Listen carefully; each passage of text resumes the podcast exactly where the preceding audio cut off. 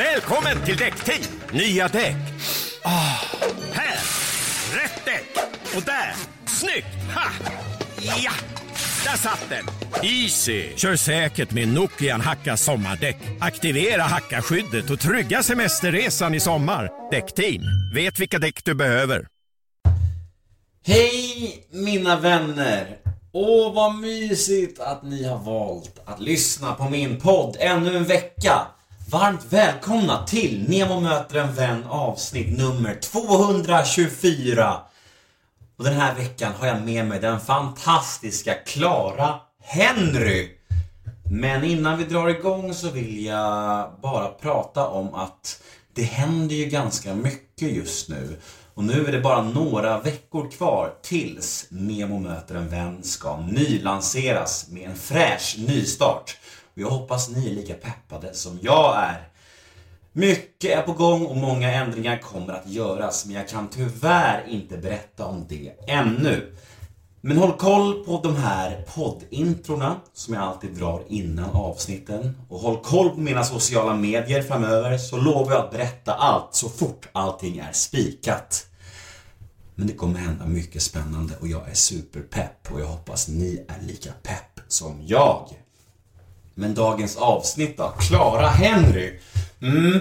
Ni som har följt med min podd genom åren kanske minns när jag träffade Erik Sade. Det var ju väldigt speciellt, för det avsnittet började med att vi gick igenom vår historia. Vi hade haft ett litet tjafs några år senare, lite skitsnack och gnabb.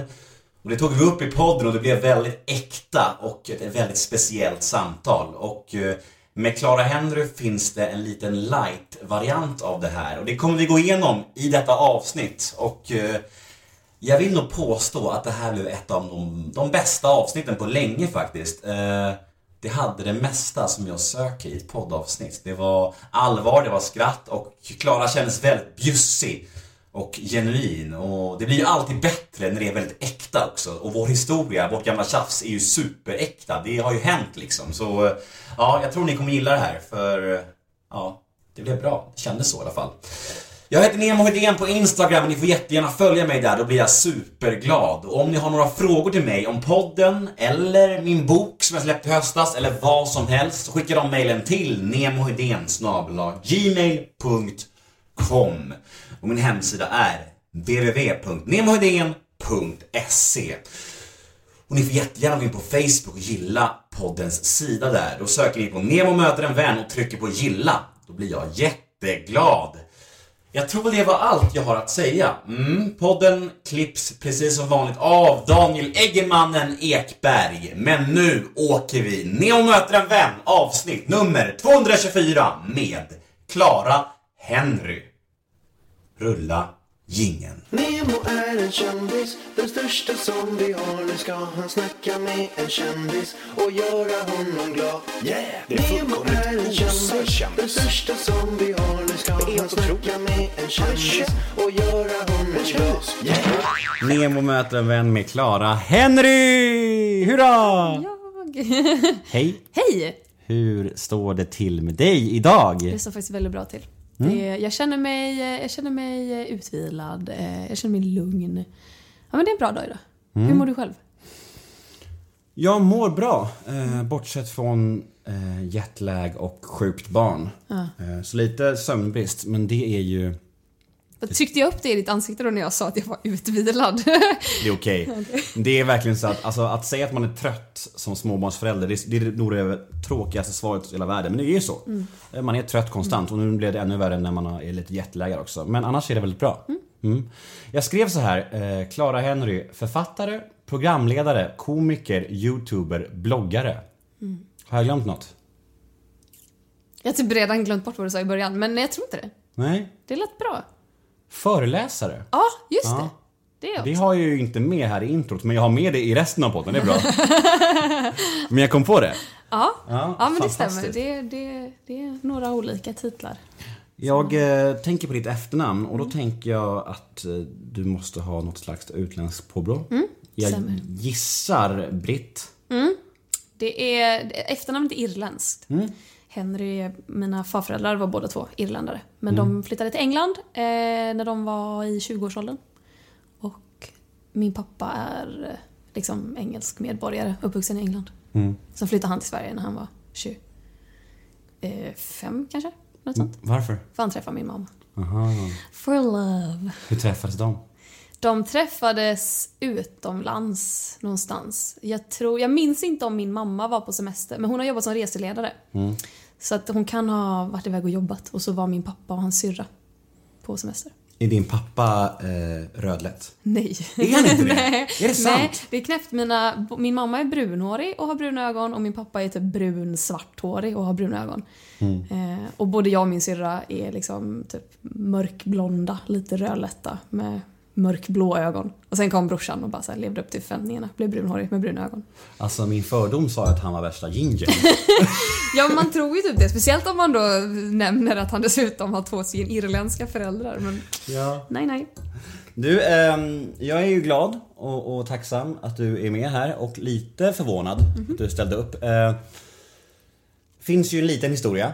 Det gör det. Den ska vi prata lite om. Gud vad spännande. Det tycker jag. Eh, den påminner lite om min historia med Erik Sade. Ja. Är du bekant med den? Ja, jag tror att jag läste om den i något mail som skickades. men, ja, men, men, eh, men du får gärna recappa. Nej men så här, eh, det var ungefär samma år tror jag. 2000, 2014 tror jag han vann mello. Kanske 2013 någonting med. 13 tror jag att, det måste ha varit. För att jag jobbade med det i 14 år och vann Sanna Nilsson. Just det, precis. Nej men de åren var väldigt mörka år för mig personligen. Jag var fast, det var åren efter Kungen av Tylösand och jag var fast i Vilket år var Kungen av Tylösand? 2010. 10. Mm. Och sen efter det så var det bara kaos med, jag vet inte, alkohol, droger, domar och massa skit. Mycket skit hände liksom och jag, och, och jag hamnade i ett ganska tungt missbruk och jag satt hemma mycket och ensam knarkade och såg alla dessa människor på TV då som var så framgångsrika och lyckliga och jag såg Erik Saade dansa sig in i folks hjärtan. Han var så snygg och lyckad och jag bara spottade ur med elaka tweets för jag stod inte ut med honom för jag, jag själv var så missnöjd över mitt liv. Och, och bitter och avundsjuk och, och den liksom frustrationen projekterade jag på andra människor. Eh, För jag hade ju ingenting. Jag, hade, jag var helt ensam liksom. Eh, Och det var ju något liknande med dig. Jag såg dig också i mello och jag tänkte så här, fan vem är hon? En jävla ny stroppig brud kommer där och, bara, och jag bara skrev hon är tråkig, hon är så här. Jag hade ingen tanke på att det skulle nå dig. För jag hade typ inga följare, men det nådde dig ändå. Vet du vad, nu måste jag få flika in här. Kör. För att när du skrev till mig och frågade om jag ville vara med, Mm. då... Eh, jag är inte med i mycket poddar. Alltså jag är med i poddar med jämna mellanrum typ, om jag inte har speciellt mycket jobb för då är det så här bara kul grej. Men annars så tackar jag nej till skitmycket poddar. Um, för att jag känner att det, typ, det, det ger sällan någonting. Det är själviska skäl liksom. Men när du skrev så vart jag också lite såhär, vad fan ska jag tacka ja, ska jag tacka nej? För jag har haft en väldigt Ehm, jag har haft en ganska negativ bild av dig, men jag har inte riktigt kunnat härleda den. För jag har ju också sett vem du har blivit under de senaste åren. Jag har ju vetat var du har kommit ifrån och jag har sett vad du har blivit. Men ändå har jag haft en lite, jag vet det är någonting som bara har skavt typ. Och utan att jag har ens reflekterat över varför. Så när du skrev då och inledde ditt mail med att be om ursäkt för det här som vi ska prata lite om nu. Då blev jag lite så här, men vänta lite nu, det här minns inte jag överhuvudtaget. Är det och, så, sant? och så började jag tänka på det. Och så började jag... Nu leker min katt med en, en plingeling-leksak. Eh, ifall det kanske hörs i bakgrunden. Det kanske inte gör det, det kanske är skitbra mickar. De ser väldigt bra ut. Men det Skitsamma. hörs nog, men det är bara lite mysigt, mm. autentiskt. Ja men det är bra, härligt. Hur som helst, så, eh, så började jag gräva och så, i mitt undermedvetna, i, i mitt minne och så började jag tänka så här, jo men okej men jag vet att det finns, jag har något minne eh, av att du har skrivit någonting på Twitter. Och, för du beskrev, du skrev aldrig vad du skrev, men du skrev att jag skrivit till dig och du svarade på det och att någonting, någonting. Ehm, och jag var bara, har jag, vad har jag? Och då tänkte jag så här, min första tanke var att jag skulle gå in och bara söka, för det ligger ju säkert kvar, jag kan inte tänka mig att du har tagit bort den tweeten. Men så tänkte jag, nej jag ska faktiskt inte göra det, jag vill hellre prata om det nu. Så please, refresh my memory. Vad fan var det du skrev till mig? Nej men jag skrev väl typ något sån här eh, att eh, vad är grejen? Hon är ju inte ens rolig. Något sånt där bara. Och då svarade du på det och jag vet inte om du är en sån, och det är inget fel med det för jag är likadan, som söker på ditt namn ibland. Det kan man göra Ja, ibland. då gjorde jag det. Ja. Då gjorde jag Så det var nog därför, för du svarade på det och du skrev så här. Först skrev du bara något, något så här. Eh, ja, men, något, något befogat svar, vad- fan vad du är fjantig och sådär. Sen så skrev du en helt ny tweet. Ja, Nemo-idén tycker jag är tråkig. Fy fan vad ledsen jag blir. Så här, ironisk emoji. Och då rasade alla dina följare mot mig. Nej, åh, fan Men, men det var jag taskigt för... av mig nej, nej. Jag förtjänar ju det. Och jag var ju bara nöjd att du hade svarat. För jag bara, åh wow, hon är ju lite framgångsrik och känd och jag är bara nobody nu liksom. Så här. Vet du, jag tror, för nu, jag tror till och med, nu börjar ju min hjärna jobba. Jag tror till och med att jag minns vart jag var när det här went down. För jag ser ett hotellrum framför mig, men jag minns inte vilken stad det var. Det kan ha varit någonstans, vad fan var vi? Uppe i norra Sverige. För jag minns, för just 2014 när jag jobbade med det, det var, alltså för mig var det en jävla käftsmäll. Det var verkligen inte vad jag förväntade mig att det skulle bli. Jag kom liksom direkt från YouTube, hade inte gjort någonting i TV-väg och någon på SVT typ hade sett mig på YouTube och bara shit hon eh, kan, hon, hon är rolig, hon har en väldigt enormt stor ung publik. Vad händer om vi sätter henne i mello? Och att jag bara så här: ja det är klart jag vill det, jag älskar Melodifestivalen. Och att det sen inte riktigt... Eh, det var någonting som inte riktigt funkade. Jag tror att de tänkte att jag skulle bara lösa det på något sätt medan jag har aldrig liksom... Jag vet inte hur man gör TV så att jag bara gjorde det jag kunde vilket var att göra en typ live-videoblogg där jag skämtade om artisterna. Men så var det någon annan som klippte det. Så att man fick inte med det som jag tyckte var liksom min komiska timing. Och så klippte de bort massa så här, eh, om det var eh, en kanske 10 sekunder lång uppladdning till ett skämt och sen en punchline då kunde de klippa bort hälften så man fattade inte skämtet. Och jag bara kände mig panikslagen. Och jag fick så mycket kritik och jag upplevde att, eller alla tidningar skrev ju väldigt elaka saker. Det var ju någon DN-journalist som skrev så här Klara Henry, kan inte någon bara skicka henne till yttre Mongoliet och med en enkel biljett liksom.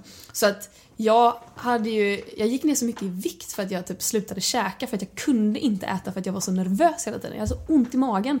Och då, för att liksom göra det hela ännu värre så började jag ju söka på mitt namn. För att jag hoppades väl att så här, ah, ja men mina följare peppar i alla fall väldigt mycket och är det så illa liksom? Vad tycker, vad tycker gemene man? Tycker verkligen hela Sverige kollektivt illa om mig i det här programmet? Så då började jag söka på mitt namn och så minns jag att jag låg där i någon hotellsäng och blev liksom helt stissig typ för att det är så, det är så knäppt att läsa att andra människor har åsikter om en. Eh, Ska, ska jag flytta bort katten från... Katterna ligger på min, på min, po- på min Det är poddpåse. klart de gör. Ja. Ehm, så jag, jag minns att jag låg där i hotellsängen och jag bara så här. Jag vet att jag inte borde göra det här men jag, jag måste bara. Alltså, känner du igen den känslan? Mm. Jag måste kolla vad folk skriver om mig. Det där är ju, det är alltså, det är, jag vet inte, masochism eller vad kallar man det? Ja. Så här, tvångsspäkning. Ja. Det finns ju någon slags app, någon ny ljudapp som heter, jag vet inte, signal signal tror jag, något sånt där. Ja. Där man kan söka, det är ju så sjukt, man kan söka på sitt namn och så kommer det upp alla poddar och alla radiosammanhang där man har nämnts. Just det. Fruktansvärt! Och jag ska inte ens, jag ska inte ens, nu, nu fick jag ju en liten så sting i, i, någon nerv att så här, den här ska jag ladda ner. Ja. Fan heller, det ska jag absolut inte Nej, det är hemskt, gör inte det. Nej men och så där någonstans då så tror jag, när jag låg där på hotellrummet och sökte på mitt eget namn och vi hade kommit så halvvägs in i turnén och jag bara kände vad fan är det jag håller på med? Då tror jag, för jag tror också nämligen att folk började skicka din tweet till mig just för att du var du. Att såhär bara "Åh, har du sett vad Nemo har skrivit om dig? Och jag var lite såhär bara, för jag såg aldrig Kungen av Tylösand men det var samma, jag kände igen ditt namn så jag bara vänta vem är det? Är det han? Ah shit det är han och så bara Jaha, han tyckte jag sög. Och då kände jag bara, men vad fan? Ja, och då skrev jag väl den tweeten då bara för att, jag vet inte, självförsvar på något sätt. Att man är redan så bara trött och söndrig på något sätt. Att man behöver sätta sig över någon annan. Och det var väl det du gjorde också. Att vi gjorde det på två olika sätt. Sen var, jag ber om ursäkt att jag skickade alla mina följare på dig. Det var men fan, jag- tycker bara att du sitter här idag säger ju ganska mycket om att du är en ganska storsint människa. Alltså nu blir det klubben för inbördes beundran här och det är inte meningen alls. Men jag är förvån- förvånad över det och jag var lika förvånad när Erik ställde upp på podden för det blir ju speciellt när man har en sån här historia. Och för mig är det ju knepigt för att jag har ju snackat så jäkla mycket skit förut i mitt liv. Och nu är mitt jobb idag att intervjua kända personer. Så det är ofta det finns sånt här liksom. Jag får nästan liksom så här gå igenom mitt arkiv av tweets för att kolla om jag har snackat skit om mina gäster tidigare. Det är så jävla sjukt. Och jag har tänkt mycket på det, att, att liksom varför jag hade ett behov av att snacka skit när jag mådde så dåligt i mig själv. Och det behovet försvann helt när jag började må bra och få framgång och välmående själv. Då bara försvann det. Och idag har jag noll behov av det. Och det är jättebra och det är jättefint att det är så. Men att det ska till lite framgång och välmående för att jag ska liksom kunna sluta med det. Jag vet inte, det är både och liksom. Det är fascinerande, men jag tycker också att jag tror att man är säkert olika personer där. Och utan att liksom låta som att jag hyllar mig själv till skyarna så tänker jag att om... Man, man gillar ju inte att inte gilla folk, det är ju det. Man, jag kan... Sen kan man ju inte gilla alla. Alltså ibland så typ stör man sig på folk och man vet inte varför. Jag skulle aldrig gå ut och skriva det på Twitter kanske idag. Eh, men vissa människor fastnar man liksom inte för och då kan, man- då kan det vara lite så provocerande att se att Jaha, alla andra verkar älska den här personen. Eh, Men att så kanske man träffar människan och bara, men herregud, vilken snäll människa. Och så blir man lite lycklig för att man blir motbevisad. Man gillar ju det. Man, man tyck, alltså, jag vet inte, jag tycker i alla fall inte om att inte gilla folk. Nej. Och då tänker jag att så här, jag och Erik Saade som exempel kanske är två sådana personer som gärna blir motbevisade i så fall. Och sen så påminns man ju också om sin egen liksom otillräcklighet när man ser andras framgång. Så var det för mig i alla fall. Det var verkligen så här: shit, jag, bara- jag bara gick bara till mig själv. Fast det hade ju ingenting med det att göra egentligen. Det är bara, det är bara så jävla konstigt liksom. Men, eh, och det är ju också så som du säger att om man sätter sig ner med en människa, det är någonting som jag har lärt mig med podden, att om man släpper sina fördomar, släpper allting liksom och bara går in som ett som vitt blad. Då är nästan alla människor härliga. Nästan alla människor är det. Jag har spelat in liksom 217 avsnitt och jag har typ kanske varit med om två eller tre inspelningar där jag har känt, ja ah, vi klickar inte så bra. Men alla andra har jag känt så här, fan det här var härligt. Och det är ju speciellt. Till och med så här människor som man tycker är skruvade, så här Marcus Birro och såna här. Vi hade skittrevligt liksom. För det kan, eh, man kan hitta in till de flesta människorna. Sen finns det undantag, liksom Jimmy Åkesson skulle aldrig ha min podd och sådana där saker. Men det är liksom, men överlag. På det stora hela. Ja. Men är du en, är du en långsint människa annars liksom? Eh, jag nej, nej, det tror jag inte. Alltså sen tror jag, det, det låter ju som att jag är det när jag sitter här och säger att det är någonting med Nemo Idén som jag aldrig har gillat. Men du är ju här men, nu! Jag är ju här, ja. Men jag, det tog jag bara fem insåg år! Ju, exakt. Det tog bara fem år! Jag tror att det var ju det att jag började tänka så här, varför är det, varför, vad är det jag har emot honom? Började Ja. tänka och så bara, men det måste ju vara de här, att jag undermedvetet minns de här tweetsen och att jag bara, okej han gillar inte mig, då gillar inte jag honom heller. Mm. Eh, men sen handlar det ju inte om att jag har gått och liksom känt ett agg emot dig för att du twittrade elakt om mig. Eh, och jag vill, ja men som sagt, jag vill tycka gott om människor. Jag trodde ju det, för Ja. när, när, när Keyyo var med i den här podden så tänkte jag så här. Nu kommer Klara säga till Keyyo, varför var du med i den där podden för? Det är sant. Det tänkte jag i min skruvade hjärna. Så jag gick liksom så långt i analysen. Man är ju lite skruvad ibland. Ja. Man är ju, tänk vad beroende man är på något sätt av att människor ska tycka om en. Eller att människor man inte ens känner, att, att alla bara ska... Det är, så, det är som att det är det neutrala. Att... Jag vet inte hur jag... Eller har jag lärt mig i alla fall genom att bli en offentlig person att när alla tycker om en, då är det bara så det ska vara. Det är, det är varken bra eller dåligt, det är bara så neutralt på något sjukt vänster. Sen om någon kommer och skriver en lång jävla kärleksförklaring, oh, då var det lite bra.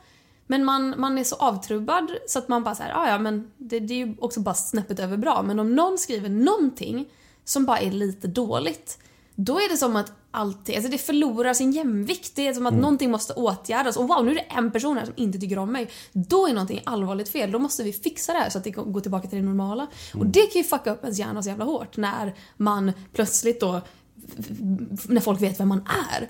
Och alla kan inte tycka om en. Jag har jobbat så hårt med att bara komma till ro med tanken att alla kan inte gilla mig och det är helt okej.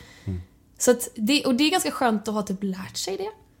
Att man kan läsa bajsnödiga kommentarer idag och bara känna att så här, nej, vad skönt. Men Du- du kan ja, det alltså? Jag kan det. Fy fan, vad avundsjuk jag blir. Ja, men jag, alla dagar i veckan så går det inte. Men, Nej. men de flesta dagar så kan jag faktiskt bara så här, läsa en negativ kommentar, rycka på axlarna och bara gå vidare med mitt liv. Men, Men- det har ju också krävt år av träning. Men svarar du på det ens? Nej. Blockar du? Nej. Ingenting? Nej. Det rinner bara av dig som en vatten på en gås? Ja men typ. Jag Wow. har blivit en gås. Du har blivit en gås?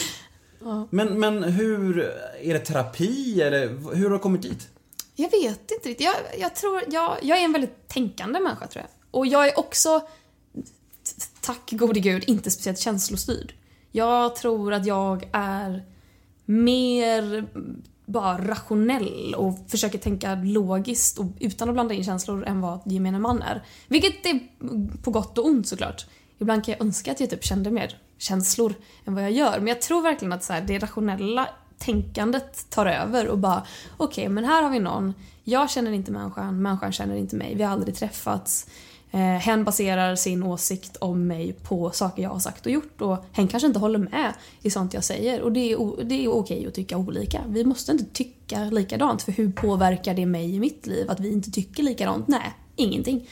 Så att det, och det, det låter så lätt och det är det inte. Men, men, men det är också skönt att ha landat där. Eh, men det tror jag också har kommit upp genom att jag pratat så mycket om feminism.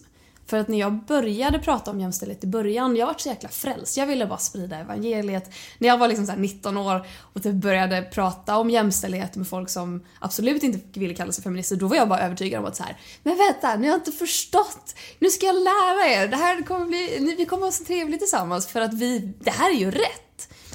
Sen så tror jag, alltså, det är liksom de senaste typ två åren som jag har börjat fatta att så här, vänta, det finns folk som på riktigt i hjärtat tycker att till exempel, jag vet inte, aborträtten ska inskränkas.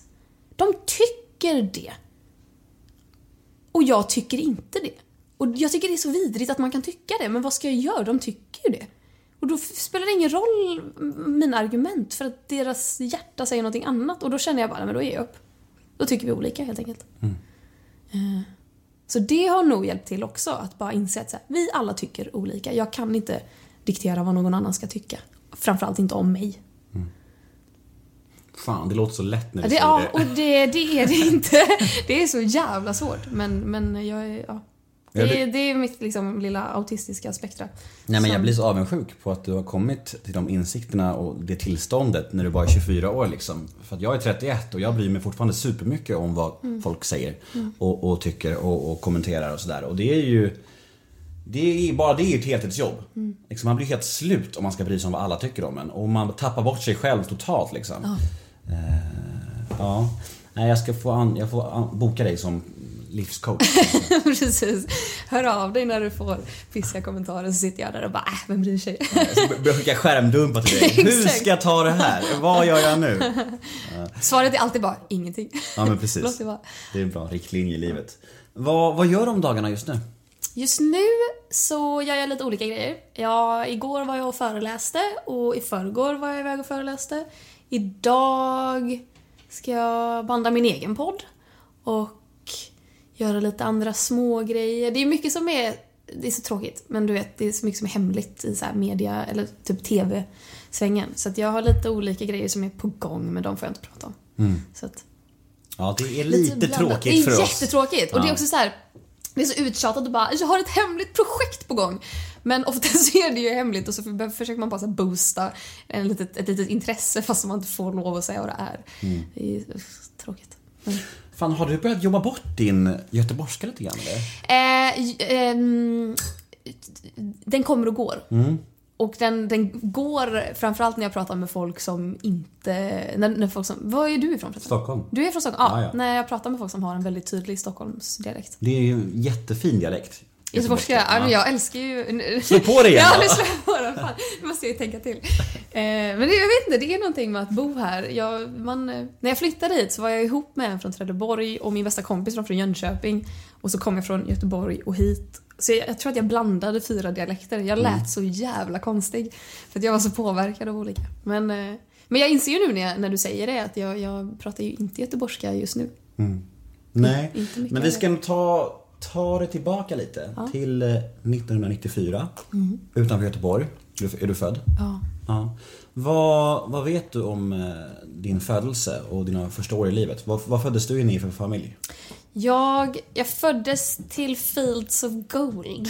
Är det sant? Den låten, ja. Vad Eller har, harmoniskt! jag vet. Den gick på radio när jag ploppade ut. Eh, Min mamma och pappa bråkar fortfarande om huruvida det var jag eller min lilla syra och min mamma brukar ha rätt. Och det är min pappa som hävdar att jag föddes till den låten. Mm. Men det är också en av pappas favoritlåtar så jag tänker att så här, jag tror på honom. Och det låter nice att jag föddes till den. Ehm, Är det favoritlåten för att du föddes till den eller tvärtom? nej, tvärtom. Ja. Mm. Det blev det då. Han hade bara tur att den gick på radio just Ja. Men jag föddes in, jag har verkligen haft en, en jättetrygg uppväxt. Eh, mina föräldrar eh, är fortfarande ihop, bor i ett hus i Tahult utanför Göteborg. Ehm, eller jag bodde i radhus mina första tre år i Jonsered, också utanför Göteborg. Och sen flyttade vi till ett hus och jag vi hade, eller vi, de bor ju kvar där. Vi, vi har, jag har. Jag räknar ju in mig i familjen fortfarande fast jag inte har bott där på fem och ett halvt år. Mm, gör det. Ja. Sprang mycket i trädgården, älskade att bada i vattenspridan på somrarna. Åkte inlines på grusvägarna. Det gick jättedåligt. Det är skitsvårt att åka inlines på grusvägar. Eh, gick i skolan, tyckte om skolan, var duktig. Lätt för att lära mig saker. Alltså, fan vad det flöt på. Det var, ja. Berätta om din pappa. Min pappa heter Graham. Han eh, är från England. Han är väldigt rolig. Jag tror ju att anledningen till att jag tycker att jag vill blanda in humor i allt jag gör kommer från pappa. För att han är... eh, Ja, men han skämtar mycket, både om sig själv Hela tiden, alltså han säger ju fel. Han, han, han pratar ju flytande svenska men han säger liksom så här stolan istället för stolen ibland. Och så Han har inte ens en sån här konstig engelsk touch. Men han har någon konstig touch. Men Ja. jag tror att ibland är det svårt att avgöra vilket land han kommer ifrån. Vissa... Tony Irving typ. Nej, ja, långt ifrån. Vissa tror ju att han är från någon märklig del av Norrland liksom när han pratar. Ja, jag förstår. Men han har lite det, men han säger lite fel ibland. Det var ju någon gång när vi var små som eh, min syrra berättade om någonting pinsamt som hade hänt henne. Och så ska pappa så här vara lite rolig och säga så här: åh vad pinigt. Men då säger han åh pinis. Eh, och typ min mamma bara bryter ihop. Och sen så varje gång vi hade kompisar hemma så sticker mamma in huvudet genom dörren och bara åh penis. Och mina kompisar bara varför kom din mamma in här och sa penis? Eh, så jag tror, eh, ja men pappa har alltid varit eh, skämtsam och glad och eh, verkligen lärt en att kunna skämta om sig själv och ha lite självdistans. Och din mor då? Min mamma Min mamma är en väldigt stereotyp kvinna, tror jag. Hon har eh, jobbat väldigt hårt för lite pengar och har eh, varit hemma mycket med oss barn. Jag har ju två syskon, en lillebror och en lillasyster. Eh, gjort mycket hemarbete. Varit, de har varit en, en väldigt, en, en mammig mamma liksom. Väldigt stereotyp mamma på ett bra sätt, på ett jättefint sätt. Vad tänker hon om den här feministiska kampen som du ändå har sysslat med nu några år liksom? Är, är hon, eh, kan hon relatera? Håller hon med eller hamnar i så här att eller hon kanske, är hon mer av den gamla skolans kvinna? Förstår du vad jag menar? Eller? Hon var nog det, tror Ja. jag. Jag tror inte hon förstod i början. Jag tror inte att hon förstod varför jag skulle hålla på och snacka om mens och så när jag började snacka om det och det blev en grej. Då vart hon lite såhär, ja, ja. De, men de har alltid varit väldigt supportande. Alltså de var bara så här: you do you boo. Gör din grej. Så länge du är trygg och har kul och typ knarka inte. Typ. Ehm, så de har varit väldigt, väldigt supportande i allt. Men det har nog varit lite så här, jaha, feminism, ja vad betyder det? F- skaffar inga fiender nu, Klara. Men sen så har ju hon också verkligen eh, jag tror att hon, vad, vad heter det? Hon har liksom blivit frälst hon med. Eh, sen är ju inte hon speciellt insatt men hon tycker ju att det är viktigt. Hon har ju fattat hur hon själv är ett offer i det här samhället som vi lever i. Just att hon har jobbat deltid. Hon har liksom verkligen gett upp sin karriär för att kunna vara hemma med barnen och att hon känner idag liksom att så här, nu är hon 50, hur gammal är hon? 52. Att hennes pension kommer inte vara svinbra. Eh, jag tror inte att hon och pappa planerar att gå skilda vägar men hon har säkert funderat på vad som skulle hända om de gjorde det. Ehm, och hon inte kommer få speciellt mycket pengar när hon blir äldre. Och eh, när jag gjorde Mello senast, 2017, då gjorde jag och Alcazar-tjejerna en mellanakt. Eh, jag och Lina och Tess. Där vi sjöng typ så här: det är inte mycket jag begär, att du får respekt för den du är. Eh, att du får lön för ditt jobb liksom. Och då, det var mitt i en period där min mamma hoppade jättemycket mellan jobb. För att hon, det var någonting som hände typ så 2000, kan det ha varit 14, 15? Att hon bara YOLOade sönder. Sa upp sig från det jobbet hon jobbade på som hon vantrivdes på. Eh, var arbetslös ganska länge, fick ett nytt jobb. Trivdes inte alls upp sig efter ett par månader. Hoppade runt på massa lösa anställningar. Eh, och sen så då fick hon äntligen ett erbjudande om ett, eh, en heltidstjänst. Och när de skulle förhandla lön Eh, eller när de frågade vad hon ville ha i lön och hon sa att så här, nej men, jag, jag ska ju framförallt ha mer än vad jag hade på mitt förra ställe för att jag är ändå en 50-årig kvinna som liksom, herregud, det är på tiden att jag tjänar lite mer pengar. Ehm, då, ehm, då hade hon också utbildat sig däremellan, gått en, en typ två eller treårig utbildning. Då erbjöd de henne mindre än hon hade fått på sitt förra jobb. Och, men då var det också ett jobb som hon kände att så här, wow, jag, jag har haft kul på jobbet, de är fantastiska människor som verkar jobba här. Det, det är en utmaning för henne. Så att hon kom hem och bara så här, men herregud, jag skulle alltså få mindre. Sen har vi ju privilegiet att pappa tjänar ganska bra. Så att hade, vi hade ju klarat oss. Men hon kände ju så här, bara, är det, det är ju en... Det, det handlar ju ändå om hennes karriär. Och är det, ja, hon var jättekluven i så här, ska jag välja ett jobb som jag tycker ändå att så här, det här kommer nog vara väldigt roligt? Eller ska jag bara vara ärlig mot mig själv och tacka nej till det. Så då berättade hon, ett, alltså dagen efter eller ett par dagar senare så berättade hon att så här, då hade hon så hade hon suttit och tänkt och sen så hade hon börjat nynna på våran Alcazar-låt. Och så hade hon så här typ sjungit högt att så här, det är inte mycket jag begär att jag får lön för mitt jobb. Och så hade hon ringt upp och så hade hon sagt tack men nej tack. Ska jag jobba här då ska jag ha en rimlig lön. Och så hade hon tackat nej till det. Sen fick hon ett annat jobb ett par år senare. Som hon, Fint Där hon jobbar nu. Där hon har en... Alltså hon tjänar ju bättre nu än vad hon har gjort liksom i hela sitt liv. Ja. Eh, det är fortfarande mycket pengar men det är ändå... Det, det, jag tycker det är fint. Så att hon har ju verkligen förstått typ vad feminismen faktiskt handlar om. Mm. Och inspirerats av dig. Ja, det tror jag. Det tycker jag är coolt. Jag tror att hon bara så här, jaha, Klara frilansar, det verkar superotryggt. Men kan hon göra det, då kan väl jag vara arbetslös i ett par år för att hitta ett jobb jag gillar. Som ger mig vettigt betalt. Hon Så bara. Klara frilansar, hon är miljonär ändå. Klara kan betala min pension. Ja, det är helt okej. Men vad gör din farsa då, blir man nyfiken på? Mm.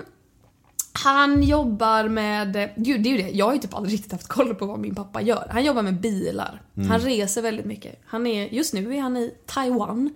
Ehm, typ, vad fan gör han? Jag, eh, han? Det är bildelar på något sätt. Bil, typ motorer kanske. Han har jobbat mycket med krockkuddesystem och nu tror jag att det är mer andra delar som han typ bara så här kvalitetsgranskar. Se till att de levereras till Sverige och att de är i att de är... Jag, vet, alltså, jag har ingen aning. Shit vad du lät osäker. Ja, jag är så osäker. Och så vet jag inte heller så här, vad vågar jag säga? Tänk om jag säger helt Precis. fel? Tänk om jag säger någonting så här skitkänsligt? Jag Kanske superkriminellt. Ja, kanske. Vem vet? Vem vet? Det var också kul när jag var liten och han jobbade med krockkuddesystem och folk bara så här, vad jobbar din pappa med? Jag bara, han jobbar med att krocka bilar. Och de bara, okej. Jaså? Vilken nivå av kriminalitet ligger han på? Ja, Exakt. Men det, det känns ju som att du är och alltid har varit så jävla trygg i liksom dina åsikter och saker du yttrar och på YouTube eller vart du än nu ventilerar dina åsikter. Att du liksom, du har en tyngd i vad du säger och du känns ganska säker liksom. Har du aldrig gått igenom ja, men en sån här osäker period som många av oss går igenom i högstadiet, gymnasiet? Har du alltid varit trygg liksom? N- äh, nej, gud nej. Jag tror, alltså, jag vill typ dela upp det. Alltså å ena sidan så har jag alltid, men som jag sa förut, jag har varit duktig i skolan. Jag har vetat att så här, är det någonting jag kan så är det att skriva och prata. Och jag, jag kan många grejer. Så att vad jag än har typ sagt eller skrivit, om jag, om jag brinner för någonting, då är jag påläst, då kan jag det liksom. Och jag är väl ganska nördigt lagd, så att jag tycker det är kul att lära mig saker. Så att jag har haft ett jättebra självförtroende i att jag kan uttrycka mig, jag vet vad jag vill förmedla, jag, jag, hela den biten. Men å andra sidan så har jag haft en självkänsla som har varit riktigt jävla värdelös. Ehm, Jag har liksom haft typ hela högstadiet var en skitjobbig period av liksom, anledningar som vi kanske inte ska gå in på här. Eh, för jag är ju som sagt ingen långsint person. men, men det Allt är förlåtet. Det kommer en bok! En till! Det kommer en till bok! En biografi kommer snart. Jag berättar om hur dåligt jag mådde i högstadiet. Nej men det var, det var, för mig var det en väldigt jobbig period. Det var mycket, åh gud, vänner som var väldigt, väldigt elaka. Du vill ju prata om det här ser jag. Ja, ja men jag vill, ju, jag vill ju att lyssnaren ska förstå, men jag vill ju inte heller... Det är ju verkligen inte min grej att gå in på, för det är så länge sedan. Och Mm. jag vet inte vad dessa människor gör idag. Eh, jag, det är ju ingenting jag går och tänker på i min vardag. Det, har inte, det påverkade mig, men det var också någonting som... Det, det sitter inte kvar längre. Mm. Ehm, så, så jag, tyckte, jag tyckte väldigt illa om mig själv, eh, både kroppsligt, jag hade väldigt mycket kroppsångest, jag tyckte att jag såg fel ut på alla möjliga sätt. Jag hade eh, kroppslig ångest för väldigt många olika delar av min kropp. Eh, och jag tyckte, jag, eh, jag, jag lärde mig liksom från andra att jag var inte, det jag hade att säga spelade ingen roll, ingen ville lyssna på mig och... Ja. Så att jag har haft ganska tufft att typ, tycka om mig själv. Jag har vetat att så här, om jag kan säga någonting, ja men då kommer jag säga det bra men då är det ju kul att andra tror på det för jag är inte säker på att jag tror på det själv. Förstår du den? Ehm, men sen var det ju lustigt då när man började med YouTube när jag var 17 och typ fick massa följare och folk började säga att så här, man är rolig eller så här, vad, vad smart du är eller vad söt du är och man bara så här, fan snackar ni om? Är ni dumma i huvudet? Ni känner inte mig. För det är jag inte. Och så kunde jag se klippen och bara så här, det där var ju faktiskt lite kul. Och sen så typ tre sekunder senare så kom jag ihåg att så här, ah shit det är ju jag som, som säger det där. Att det, det var så märkligt att typ se sig själv för att det var liksom en del av mig som jag inte såg som jag på något sätt. Att det var, jag vet inte. Men då, där, alltså det är ju det är ju en jävla boost för självförtroendet att börja få massa positiva kommentarer. Men gick det snabbt? Ja, det gjorde det. Ehm, jag hade en blogg som jag skrev i. Som jag, och den hade typ så här 100 unika läsare om dagen eller något sånt. När det gick som bäst för den. Så jag var bara så här: wow! 100 läsare, fy fan vad sjukt! Eh, det var skitstort för mig. Och så gjorde jag videos på YouTube som jag la ut på bloggen. Liksom. Det var liksom, YouTube var ju inte en plattform på samma sätt som det är idag då. Utan då var det mer att man kunde bädda in det i en blogg. Och så eh, gjorde jag klipp, men jag kanske gjorde dem var tredje månad, det var skitsällan. Och de var inte bra och det fanns liksom ingen tanke med dem. Tills jag då efter något halvår gjorde ett, en video som handlade om julmust. Som blev bara över en natt jätteviral. Mm. Och typ hela min skola hade sett den och folk liksom kom fram och bara så här. Du jag såg din julmustvideo, fan vad rolig den var. Så här, hur kom du på det? Och jag bara så här, hej hej, vem är du? Typ. Vi har aldrig setts förut. Eh, och därifrån så växte det skitsnabbt. Och jag fick liksom lite panik att bara så här, eh, nu är det jättemånga människor som typ har kommenterat den här videon. Jättemånga människor som har börjat följa mig. Jättemånga skriver när kommer nästa video? Och jag bara så här, lugn, lugn, lugn. Den kommer om en sisådär tre månader. För det är så ofta jag gör videos. Men så vart jag lite så här, okej, jag fick ju lite hybris på samma gång och bara så herregud, det här är ju massa människor som tycker om mig, typ sjukt. Och så tänkte jag att ja, det här vill jag ju inte förlora, nu måste jag ju faktiskt typ förvalta det här på något sätt. Så då började jag, då gjorde jag en video en vecka, exakt en vecka senare och sen därifrån började jag göra videos varje vecka. Och det bara rullade på. Alltså jag fick så mycket följare, så mycket visningar. Eh, William Spets var ju, blev ju stor i samma veva. Och då var det att folk som hittade honom hittade till mig och folk som hittade till mig hittade också till honom. Så jag tror att vi på något sätt eh, skickade tittningar mellan varann och så växte det supersnabbt. Och sen så, sen så därifrån så bara har det rullat på. Ni två var väl de två första youtuberserna, eller hur? Det fanns andra också, men de hade inte speciellt mycket följare. Det fanns ju folk som hade hållit på med typ videobloggande i ett par år innan. Men utan att riktigt så här, det fanns inga folk som riktigt hängde på YouTube på det sättet.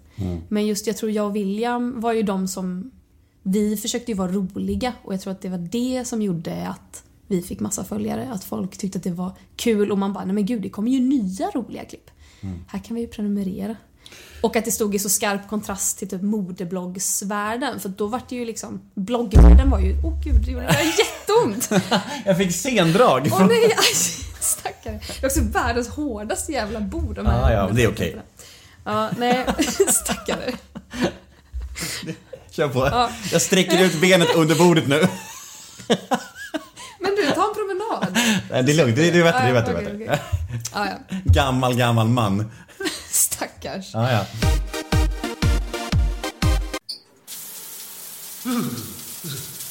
Undvik kallduschen. Byt ut din värmepump i tid.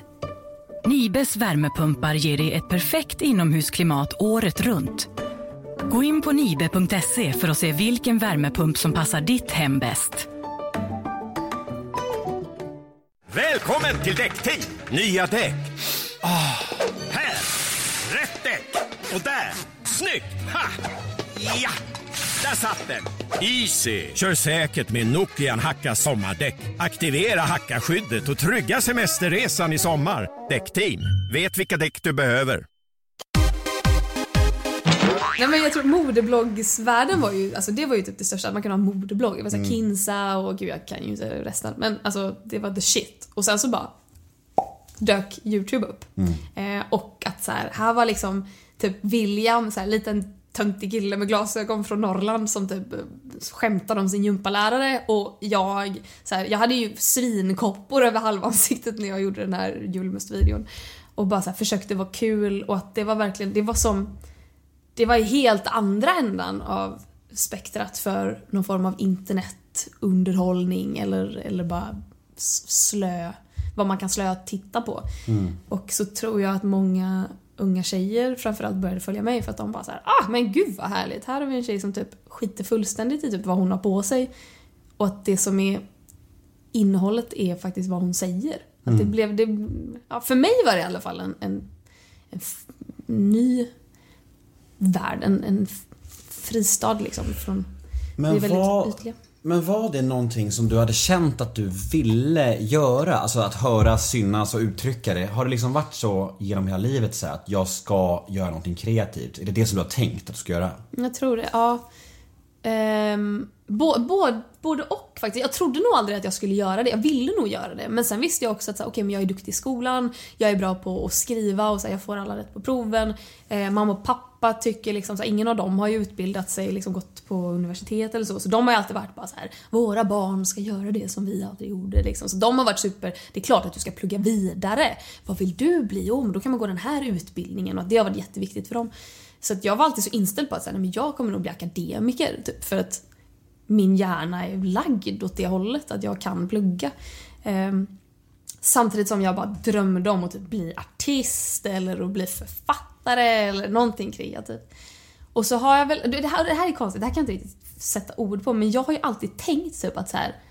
Kanske är för att det inte var så jävla lätt i skolan men att man bara en dag kommer jag också bli någonting. Eh, man läste liksom de här BRIS-idolkorten, typ såhär Lale, och hon var utfryst och man bara jag är också utfryst. Jag ska också bli en Lale. Så att jag, jag har typ känt skitstarkt hela min barndom att men jag, jag, jag ska bli någonting, eller jag ska bli någon som folk vet vem jag är. Och Jag vet inte varför, det är en skithybris tanke liksom. Men Nej, men jag tycker det är rimligt. Alltså, jag skrev lite om det i, i min bok faktiskt. Att, att eh, det här med att, att behovet av att göra något slags avtryck i historien. Något bara. Något arv, något liksom. Jag tycker inte det är hybris alls. Jag tycker det är en, en sund tanke. För det finns så många människor som, som går genom livet och, och, och liksom inte har den tanken. Och det är liksom, with all due respect, människor är olika liksom.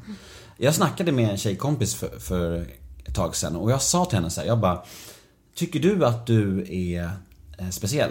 Alltså så här, jag undrade hur hon såg på sig själv. Och hon bara, nej jag är helt vanlig. Jag är som alla andra. Och hon var helt ärlig i den tanken. Och jag var bara så här, va? Jag trodde alla gud vad skönt! Ja, eller hur? befrielse! Befriande, men också så här. Ja. Jag trodde alla människor tyckte att de själva var lite speciella. Det var min, min övertygelse. Men det gjorde inte hon. Och jag bara, oj. Men jag är som du, jag, jag, vill, alltså, jag vill lämna någonting efter mig, något litet bara. Alltså, Men bara- är inte det mänsklighetens jävla akilleshäl? Alltså vi är, ju, vi är ju för smarta på något sätt. Alltså vi, det har ju, evolutionen har ju gjort oss dumma i huvudet. Alltså vi har blivit så smarta. Vi är så närvarande och vi är så medvetna men vi, har, vi saknar ju också den lilla, lilla delen av hjärnan som vi skulle behöva för att fatta att vi är så jävla små. Vi fjärtar i rymden liksom i det stora hela. Och ibland kan jag känna att så här, fan, vilket, vad sorgligt det är att vi alla tror att vi, att vi är så viktiga. För vi är ju inte det.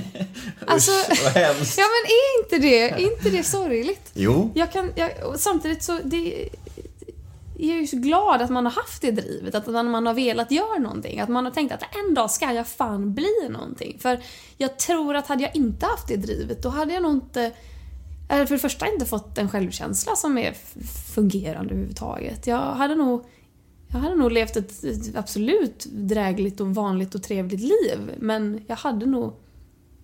Att jag gillar ju mitt liv nu. Jag vill inte byta ut mitt liv nu.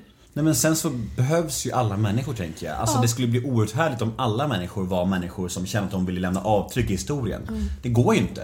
Vissa människor vill ju jobba på ett, eh, på SOS liksom och det är ju fine, det är ju fantastiskt. Alltså Mm. alla människor drar sitt strå till stacken liksom. Det är så det fungerar till slut.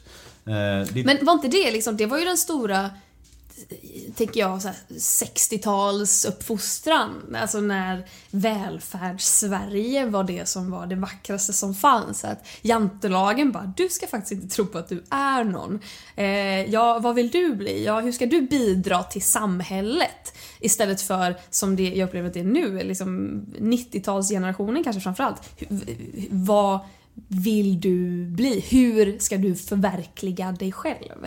Det känns som att det har blivit en, en tvärvändning och jag kan nästan så här längta tills vi kommer till att vi uppfostrar barn i eh, det här kollektiva tänkandet. Att så här, hur, hur ska du göra för att den här världen ska bli en bättre plats? För det handlar faktiskt inte om dig din lilla snorunge. det är ju någon som borde säga det till oss. Det är ju vi som sitter här och säger att vi vill lämna avtryck i historien. Men det kan ge mig panik. Jag kan ju vakna på morgonen och bara vad fan är det jag håller på med? Varför inte jag? Fast å andra sidan en kompis till mig, hans kompis är typ barnläkare. Så barnkirurg eller något sånt. Och att Gustav, min kompis då, hade sagt att så här, ja, jag pratade med honom och han sa att så här, nej men jag mår fan dåligt. Jag undrar vad jag, vad jag gör med mitt liv. Ska inte jag göra någonting vettigt? Och Gustav hade bara Va? Va? Vad säger du? Vad fan är det du säger? Du räddar barn. Va, vad, vad, vad kan du göra som är mer vettigt än det här? Men så är det ju. Man kan ju lätt fastna i den här tanken att man själv bara sysslar med så här ytlig, tramsig underhållning och så här, och att folk som räddar barn är, har viktigare jobb. Och det har de ju såklart. Men de underhålls ju på sin fri- fritid av typ poddar, förstår du? Så alla bidrar ju. Vi gör att de mår bättre så de kan jobba hårdare med det. Exakt. Sen har ju vi den stora, stora lyxen att kunna göra sådana här grejer. Jag tänker du som har gjort liksom din livsresa, det måste ju vara en massiv inspiration för människor som kanske lever med ett missbruk eller har föräldrar som har levt med ett missbruk. Alltså, det, det är ju... Det, måste, det är klart att man måste få lov att berätta sina historier och kan man då göra en karriär på att berätta sin historia? Ah, Gud, fan vad härligt. Jag vill ju bara så här... Eh, jag, jag vill ju prata om jämställdhet. Jag tycker jämställdhet är en skitviktig fråga. Jag vill prata mer om miljön. Fan vad vi pratar lite om miljön, men jag är så jävla dåligt påläst. Och jag flyger med jämna mellanrum och då vågar jag inte riktigt prata om det. För att jag inser ju själv att jag är ju en sån jävla miljöbov. Ehm, så att, så att, ja. Fast jag tycker inte det är något fel med att kapitalisera på sin historia. För det är ju också Nej. så här att jag, jag intervjuade Morgan Alling häromdagen, Mm. häromdagen och han gör ju likadant själv. Och det är ju så här, om man både kan inspirera och hjälpa andra och tjäna pengar på det, då är det ju, alltså både och, det är väl fint. Mm. Visst, jag har gjort massa föreläsningar gratis i skolor och det gör jag gärna, men liksom jag måste också försörja mig själv. Jag har en dotter liksom. Så jag tänker att liksom, man kan ju kombinera det. Då är det både och, det blir jättebra. Mm. Ja absolut, jag gillar pengar. Det är klart att jag ska ha pengar för mitt jobb. Men, Så är det men Men, men om vi går tillbaka till din eh, livsresa och din karriär då. Det här steget från eh, Youtube till gammelmedia. Eh, ganska stort steg. Och, och som du var inne på tidigare så var inte riktigt mello som du hade tänkt dig. Att det var liksom Ja, stress och press och folk tyckte saker om dig och, och jag har hört från flera som har jobbat med mello att det är ganska taskigt betalt med tanke på hur mycket jobb och hur, alltså hur stort projekt det är. Att man liksom är så mycket och så lång tid liksom. Intensivt. Eh, känner du att du, hade du gjort om det nu, idag? Då hade du? det hade jag. Eller alltså inte det jag gjorde 2014. Nej. Men som programledare hade jag absolut gjort det. Men var, var eh, kunde du föreställa dig hur mycket jobb det skulle vara? Eh, både ja och nej. Alltså man är ju, man, man är ju medveten om att det är mycket jobb. Men, men det är ju alltid svårt att föreställa sig eh, hur det är i stunden. Och hur, svårt att förutspå hur man ska må av det. Jag tror, jag är väldigt glad att jag typ förberedde mig så mycket mentalt som jag gjorde inför mello 2017. För att jag, så jag började träna, jag, tänk, jag skulle, tänkte ju att jag skulle börja gå i terapi innan, vilket jag aldrig gjorde. Vilket så här, i efterhand så klarade jag mig ändå, men jag... Till nästa om det blir det nästa gång, hoppas det blir det nästa gång. Då, då ska jag fan göra det, för att jag tror att det är bra att bara förstå sina egna tankar och hur sin hjärna fungerar. Och jag började träna med, jag tränar ju typ ingenting, men jag började träna med en PT bara för att, okej, stark kropp, då får jag ett starkt psyke, då kan jag fokusera mer, då kan jag bli lugnare. Um, gick hos en sångpedagog för att bara så här lära mig använda min rösträtt, för jag insåg att jag kommer prata, jag kommer prata oavbrutet. Kirsti Tomita. Nej. I wish though! Fan Hon var för dyr. Det var faktiskt SVT som betalade. Det är klart de gjorde. Du skickar fakturan till Christer Björkman. Jajamän. Fint alltså. Så, men, men så gick jag ju också och tänkte att så här, jag, jag, jag, måste, jag måste vara i stunden hela tiden. Jag får aldrig tänka typ, vad händer nästa vecka? Jag måste vara i, jag måste vara, vad heter det? När man är mindful konstant. Vilket jag typ på något sjukt jävla vänster lyckades vara för att alla efteråt gick omkring och bara åh det gick så fort, eh, jag saknar det så mycket och jag bara jag är så glad att det är över. Jag var så, jag var fan närvarande varje jävla vecka. Jag kunde så sitta i logen och bara okej nu har jag en och en halv timme tills liksom vi ska typ repa. Jag är så trött för att jag repar varje vaken timma. Jag sover typ fem och en halv timme varje natt. Vi repar varje dag. Förutom när du söker på ditt namn på Twitter. exakt, exakt. Det hade jag inte tid med. Det hade jag inte Visst, tid med. visst. Nej, på riktigt. Det var 2014. Då hade Ja. jag ju all tid i världen. Då mådde jag ju röva dåligt. Nu bara så här, nu, det är rep konstant och repar man inte då står jag på mitt rum och pratar med min egen spegelbild för att jag håller på att lära mig manus liksom. Mm. Så här, lär mig mitt eget manus och sen lär jag mig också Hasse Anderssons manus utifall att han skulle komma av sig för att han hade lite svårt att minnas sitt manus. Är det sant? Och sen så lär jag mig David Lindgrens manus också för att han har dyslexi och jag kommer behöva hjälpa honom med hans manus sen. Så att jag lär mig allt manus. Nej, Jo. det är helt sjukt alltså. Så det var, det var skitmycket. Stackars Hasse. Lilla Hasse. Han tappade bort sig så mycket. Hasse. Jag trivdes så bra med David och Hasse. Fy fan vad fina de var. Så jävla Men det var så många gånger som Hasse bara Oj, oj, oj, oj, här, det kom inget ord. Man bara, "Va, vad hände där då? Men jag och David var ju konstant redo. Alltså vi båda kunde ju Hasses repliker if- utifall han skulle bara här glömma bort sista meningen så vi kunde bara Lilla. hoppa in. Men var det, var det sämre betalt än vad man tror? Eh, jag vet inte vad man tror att man får, men eh, jag, jag får ju givetvis inte säga vad jag fick. Nej. Sen är jag ju eh, nöjd med... Det är ju, alltså, det är, man får ju mycket pengar. Mm. Men det är ju inga miljonbelopp. Var det samma för dig och Hasse och David? David? Ja, ja det var det. Snackade ni om det?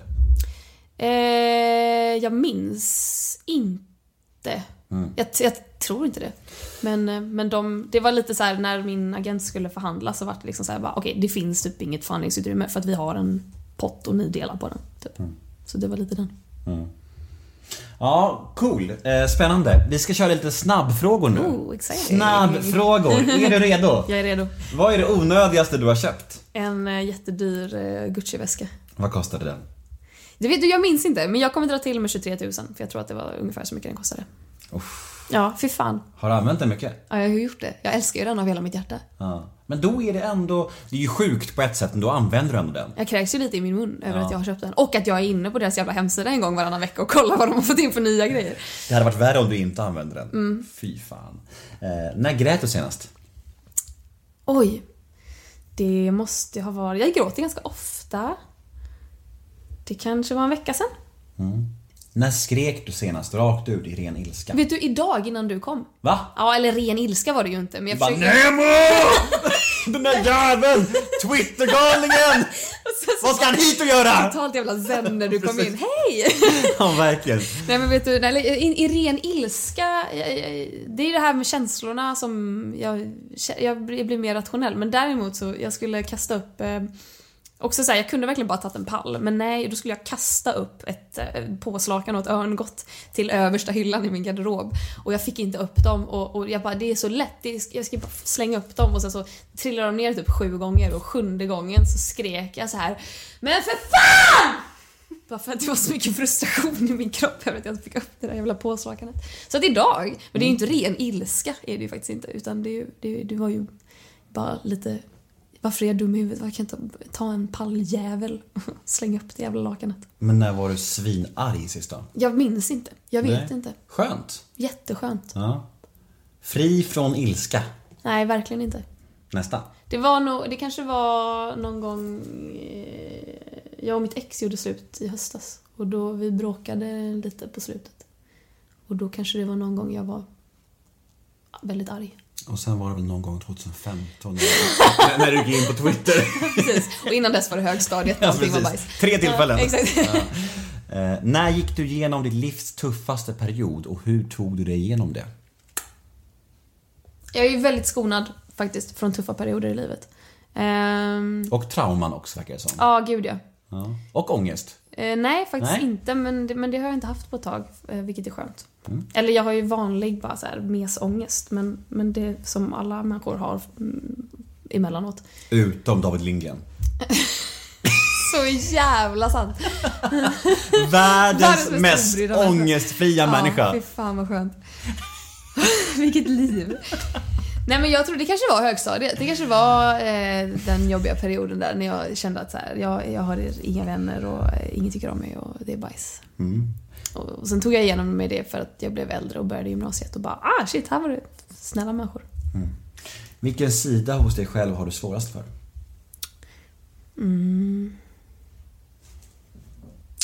Att... Oh, vilka ska jag välja? Det är ett jävla smörgåsbord här. Jag tror jag tar... En cocktail av brister. Mm. Jag tror jag tar... Får jag säga två? Mm. Dels kan jag hata att jag blir så tafatt ibland. Att jag ibland inte vet vad jag ska säga. Att jag kan känna mig så socialt inkompetent ibland. Eh, Det kommer inte jätteofta, men när det väl kommer så kan jag vilja bara slå mig själv på käften och bara men herregud. Snap out of it. Men eh, så det, det, det, det hatar jag. Och sen är jag också lite så här. Jag är ganska jag, jag gillar eh, kontroll, eh, som i att jag gillar att planera mitt liv, jag gillar att ha koll på vad jag ska göra och när jag ska göra det, klockslag etc. Jag gillar att bara ha det typ hyfsat rent hemma. Och jag kan bli väldigt trött på mig själv när jag märker att det går ut över andra. Typ om man ska säg resa någonstans och så märker man att nu är jag den som bara typ kör över alla för att jag vill så gärna ha en strukturerad dag. Eh, och så kan jag bli... Jag kan, jag kan nog bli lite hård i det och det tycker jag inte om hos mig själv. Mm. Vad har du för relation till alkohol? Eh, jag började... Jag har aldrig druckit speciellt mycket. Jag är inte ett jättestort fan av alkohol faktiskt. Jag... Eller så här, jag, jag... Jag dricker alkohol men jag super inte. Alltså jag dricker aldrig med... eh, Jo, ibland. Det är klart jag gör. Det vore ju lögn att säga att jag aldrig dricker för att bli full. Men jag gör det väldigt sällan. Mm. Så att en ganska avslappnad inställning till alkohol vill jag ändå hävda. Bra. Eh, vi har ett segment här i min podcast som heter Ett ord om. Det går ut på att jag säger fem stycken svenska kändisar och du ska säga det första ordet som kommer i ditt huvud när du hör namnet. Oj, gud vad spännande. Är du med? Ja. Det är alltså kändisar som brukar skapa lite reaktioner och så. Okej, okej, okej. Åh, första ordet. Ett ord om Alex Schulman. Alex Schulman. Pff, Det första ordet som dyker upp är prat. Marcus Birro. Och nej. Det är två ord. Sara Larsson. Men nu, det är ju bara reaktioner, det är ju inte ord så. Jag tänkte wow. Men nu måste jag hitta ett annat ord. Ehm, eh, Du får säga wow. ja, men ja. Säg, då, ja. Yes, wow. Ja. ja. Jimmy Åkesson. Rasist. Leif GW Persson. Mysgubbe. Bra. Det var dem, vad snabbt det gick. Avslutningsvis så har vi sju stycken eh, lyssnarmail. Jaha. Sånt har vi här i Nemo möter en vän. Gud vad trevligt. Eh, Hej Klara! Berätta om Sjukt oklar. Produktionen, idén, inspelningen, allt. Och grattis till framgången med serien. Fy fan vad gulligt. Vem har skrivit det? Nej, det vet jag inte. Det är anonymt. Nej men det är kommentarer och, och Okej. jag, la upp, jag la upp eh, er på... Jag la upp dig och en annan framtida gäst på Instagram. Ja. Jag brukar göra det så får jag Ja. frågor. Gud vad roligt. Eh, tack så mycket du som har skrivit här. J- Gud, berätta om allt. Har vi en timme till eller? Ja, du får fem minuter. Um, Okej, så här. Sjukt oklar har vi jobbat med så himla länge. Det är ju en serie som ligger på SVT Play nu som handlar om 24-åriga Ellen som är, hon är, hon är väldigt olik mig. Det är, det är jag spelar Ellen för övrigt. Um, hon är väldigt impulsiv och har inget konsekvenstänk. Hon, har, här, hon hoppade av gymnasiet, reste runt i världen, gjorde slut på alla sina pengar. Träffade en tjej som heter Vera, eh, insåg att så här, wow, jag är kär i Vera, det här är läskigt, det här sticker vi ifrån, tar inga, liksom, inget ansvar överhuvudtaget. Kommer hem, fattig, ingen utbildning, kan liksom inte typ plugga någonting för att bli det hon vill bli. Hon bara, okej vad ska jag göra? Jag går om gymnasiet. Fast jag då fejkar att jag är 16 för att det vore ju tragiskt om en 24-åring skulle typ gå om gymnasiet. Eller bara vara lite normal och gå komvux typ. Ehm, Då visade det sig att Vera jobbar som lärare på den här skolan. Och dun, dun, dun, då ställs hon inför dilemmat. Ska hon... Hon, hon är ju också fortfarande kär i Vera.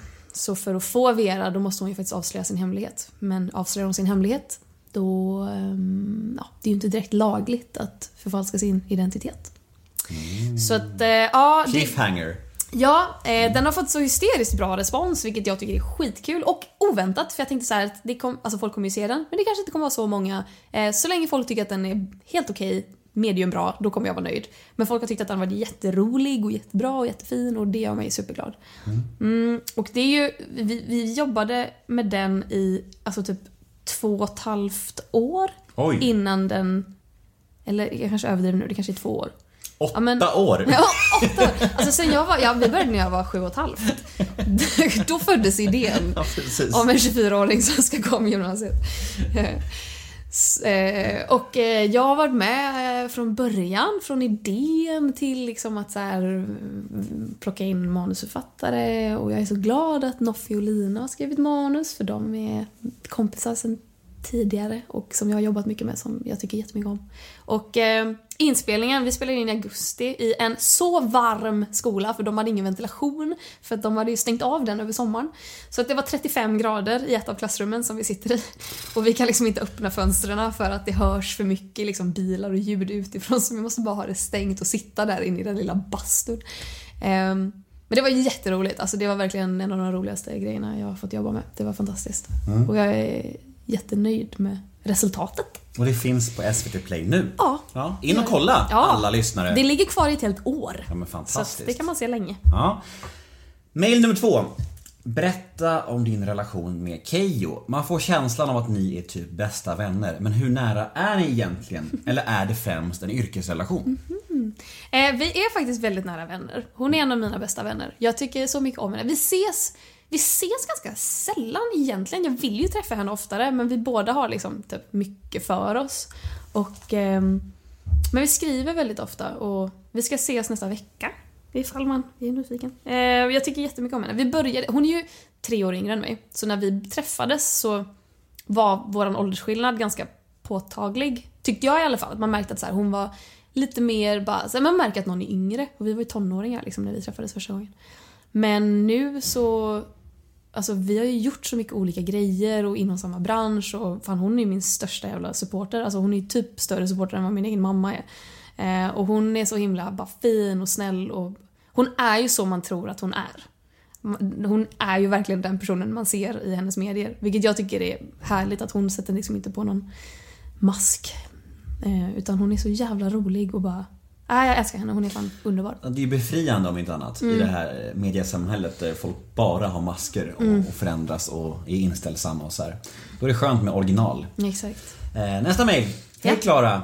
Inte sett din kille på Instagram eller på andra mingelbilder på senare tid. Är ni fortfarande ihop eller är du singel? I'm a single lady. Mhm. Vi gjorde faktiskt slut i höstas. Mm. Eh, men jag, det är ju ingenting jag har typ gått ut med. Jag har ju pratat om det i min egen podd. Fast alltså inte pratat om, jag har nämnt det. Eh, det är väl Mm. I förbifarten. I förbifarten. Eller bara så här, här är en viktig detalj i det här sammanhanget. För jag är ju faktiskt singel nu, typ. Men jag vet inte, jag gillar inte jättemycket att lyfta... Alltså, jag skrev ju ingenting om när vi blev ihop. Ehm, just för att jag känner att integritet är en viktig fråga för mig. Men, eh, och därför har jag inte heller skrivit någonting om att vi har gjort slut för att jag känner, dels för hans skull, alltså det är inte... Jag vill inte bara så här vet, det, är någonting där som jag känner att så här, det, det är faktiskt min egen privatfråga. Men sen är det ingen hemlis att vi har gjort slut heller. Eh, så... Ah, jag vet inte. Jag vet inte riktigt vad jag ska göra med det. Jag vill ju också bara undvika typ att Aftonbladet bara Clara Henrys förhållande med den här personen. Inte. Alltså, de älskar ju att skriva sånt. Så då känner jag, kan jag bara prata om det poddar ibland som, som inte någon Aftonbladet-journalist lyssnar på. Så, de, som, de som vet, de vet och så, herregud, det är uh, förhållanden. Vad är det ens? Kärlek? Är det, är det bara en myt? Träffar du någon ny? Eh, jag dejtar. Mm. Tinder? Ja, faktiskt. Är det så? Ja. Hur ser din Tinder-profil ut undrar man ju. Mm, vill du se? Ja! Fy fan vad bjussigt. Gud. Men Vad håller det är ju fantastiskt. Vad generöst av dig. Ja. Eh, eh, ska vi se. Jag är ju väldigt dålig på Tinder, ska ju faktiskt tilläggas. Jag är inte superaktiv. Är det jobbigt tycker du att vara offentlig människa på Tinder? Jätte. Ja. Men vet du vad? Alltså jag, eh, sist jag hade Tinder, vilket är typ tre år sedan. Då hade jag både killar och tjejer. Och då var det, då hatade jag Tinder. Då var det fan fruktansvärt. Nu har jag bara tjejer. Nu är det mycket mer skonsamt. Faktiskt. Eh, tjejer är lite mer diskreta. Så här ser min profil ut. Vi läser då. Ja, Är det läs okej? på. mm. Klara, 24 år. Eh, tycker det är jobbigt att komma på captions till Instagram. Den här beskrivningen är inte roligare. Grej jag gillar, mina katter, att läsa, att springa, chips och min impulsköpta 92 cm höga porslinstiger. Mhm. Eh, och så har du fem bilder. Ja, söta bilder. Tack! Och din katt är med också. Min katt är med. Ja, nej, men det här får du nog bra ragg på. Alltså jag är ju väldigt, eh, jag swipar ju väldigt sällan höger. Eh, vilket, Kräsen. Nej men snarare det att jag hatar att vara en offentlig person på Tinder och att då blir det som att så här, ska jag swipa höger på någon då ska det fan vara någon som jag tycker är vrålsnygg. Eh, så att då det inte gör någonting om de vet vem jag är för att då, ja, det, är- ja jag vet inte, det är ett jättekonstigt resonemang. Ehm, men eh, jag vet inte, jag känner mig dålig på Tinder. Det är lite kul, det är lite kittlande så här. Men jag, det är jag ska säga, när man matchar med någon, jag blir så här, bara, nej men jag vill inte skriva till dig. Varför ska jag skriva till dig för? Nu, jag känner inte dig. Det är ju lite dopaminpåslag att matcha med någon. Ja, ja det är det ju. Så Men det är man- inte kul ju väldigt så här bra tidsfördriv när man har lite tråkigt och bara swipa lite så bara åh snygg matchning och så känner man sig lite kick så. Precis, för- det är hemskt egentligen. Men det är det här Vad är det vi uppfinner? Det är jättesjukt alltså. Men, eh, men vad går du mest på? Går du mest på folks texter eller utseenden? D- ehm, utseende, men, men har, man ett, har man ett för mig tilltalande utseende och inte har någon beskrivning, då swipar jag inte höger. Det finns ju en otroligt cheesy klyscha kring det där. Att utsidan ger insidan en chans. Ja, jag vet. Men insidan ger utsidan sin glans. Oj, jag har aldrig hört fortsättningen. Nej, det är ju fint. Det stämmer ju. Utsidan ger insidan en chans, men insidan ger utsidan sin glans. Ja, ja faktiskt. Fint. Ja, Fint men cheesy. jätte. Eh, nästa mail. Två frågor i ett. Vad är det bästa med att föreläsa och vad pratar du om egentligen? Åh, vad gullig. Eh, jag pratar om, jag har, jag, har, jag har tre olika snack varav ett kör jag nästan, nästan jämt. Eh, och det handlar om, det handlar om jämställdhet. Eh, och feminism genom både tiderna och idag och eh, hur jag kom in på det spåret och varför jag tycker att det är viktigt och typ lite personliga anekdoter kring liksom ja, en jämställdhet. Liksom. Ehm, jag är jättedålig på att pitcha in den märker jag nu. Jag måste ju komma på något bättre sätt att sälja in den. Du får gig Folk ändå, tycker att den är fan. bra. Ja, men du får gig ändå. Ja, folk Du- tycker att den är rolig, de skrattar när de ska skratta. Ja, det är bra. Så sen så ibland för typ företag brukar jag prata om typ så här kommunikation, YouTube som plattform och som medie. Eh, och sen har jag pratat väldigt mycket om mens men jag börjar fasa ut den för att den är ganska ouppdaterad och den är det, det, det som gällde när jag skrev den gäller inte riktigt längre. Vad Eh. intressant ändå. Vad, vad har förändrats där? Hela attityden. Ja. Alltså jag tycker att det har blivit så... Jag kan stå och liksom prata om typ menstabu och känna att men herregud, ni, ni är så avslappnade. Och det var inte liksom 14-åringar Nej. för tre år sedan.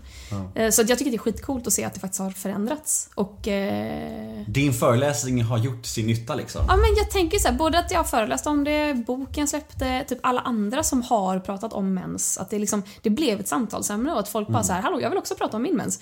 Att det blev så avslappnat på bara ett par år. Ja, det har verkligen blivit en förändring. Jag tycker det är asmäktigt. Eh, vad var första frågan? Hur det, vad det bästa är med att föreläsa? Ja, men precis. Vad är det bästa med att föreläsa och vad pratar du om egentligen? Ja, det bästa är väl när man kommer till en publik som man märker är eh, eh, de är peppade och glada och taggade. Alla vill vara där. Eh, alla är, har liksom typ sett fram emot det. De är intresserade, de kanske har frågor och så märker man att så här, de skrattar på alla rätta tillfällen. Jag blir peppad och typ börjar kanske improvisera lite, kommer på roliga grejer. När man känner att så här, det, det är som en dialog på något vänster fast det är bara jag som pratar. Och att man får mycket respons. Det är det bästa. Då får, där snackar vi dopaminkick. Bättre än Tinder. Ja, som fan! Föreläser hellre alla dagar i veckan. Bra. Eh, nästa mejl. Hej Klara, hur tänker du om stand-up? Är du nyfiken på att prova på det på allvar? Jag har, jag har faktiskt provat på det. Jag tycker att det är fruktansvärt. Jag, jag har gett upp. Alltså jag, tyckte det, jag får så mycket ångest. Det finns...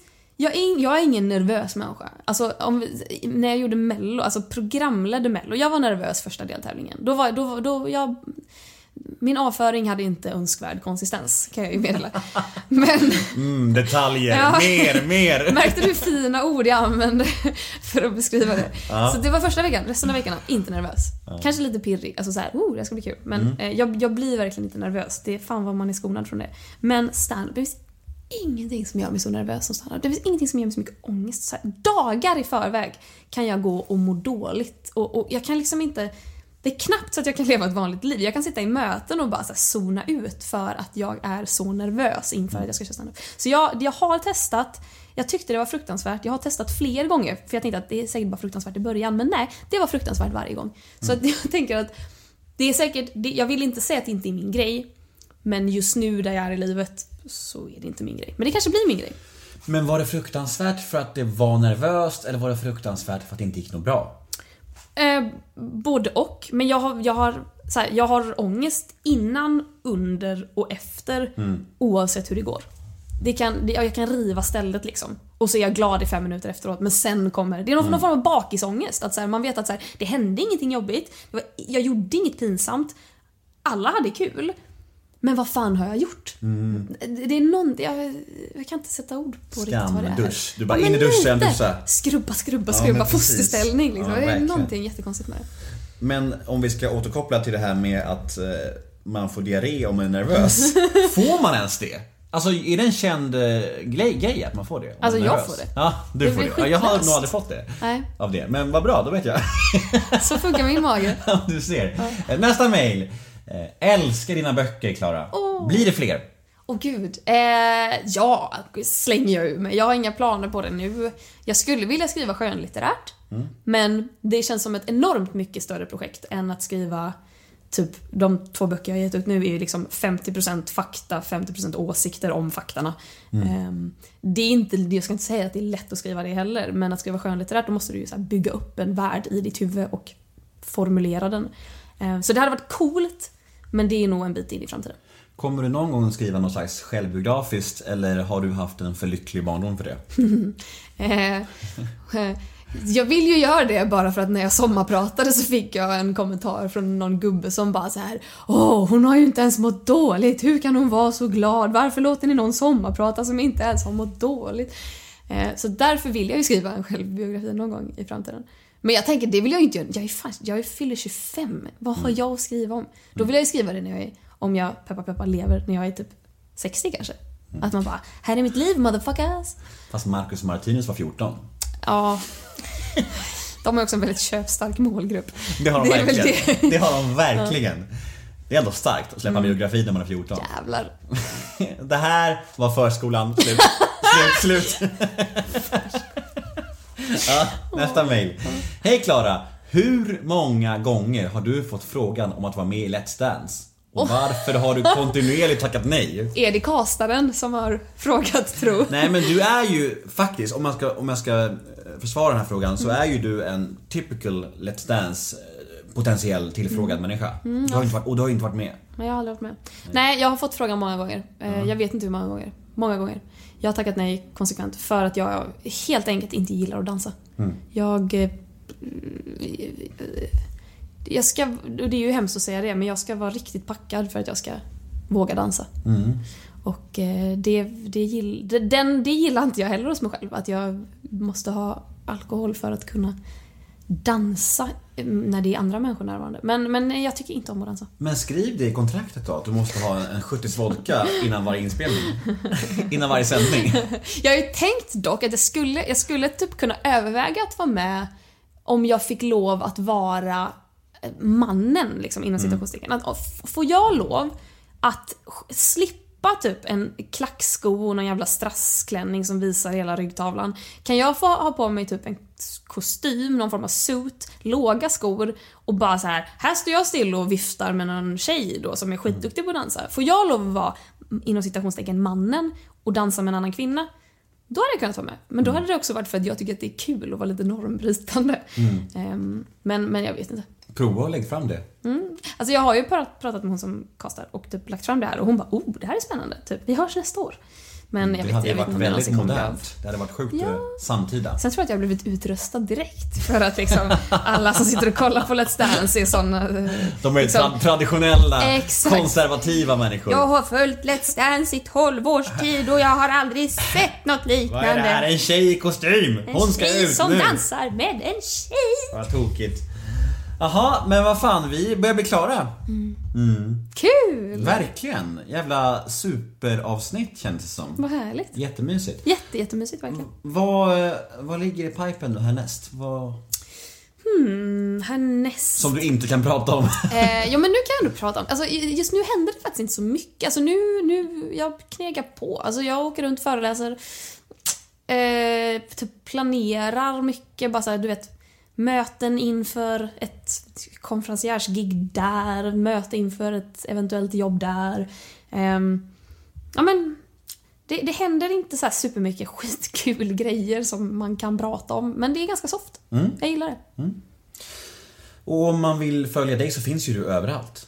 Ja, tycker du det? Ja, jag tycker det va? Du har ju Instagram och Twitter. Ja, podden Instagram, sig, Twitter, du har ju podd Ja, som heter... Konsten att vara heter Mm. den. Det är jag och min kompis Gustav som babblar. med In och lyssna på den, in och följ eh, Glasklara på Instagram. Instagram. Och Ja. Twitter. Ja, glasklart på Twitter. Glasklart. Eh, supertack för att du ville vara med. Alltså tack för att jag fick vara med. Det var jättekul. Det var jättemysigt. Mysigt att sluta fred. Verkligen. Alltså verbalt. Vart är fredspipan? Precis. Hej då! Hej då.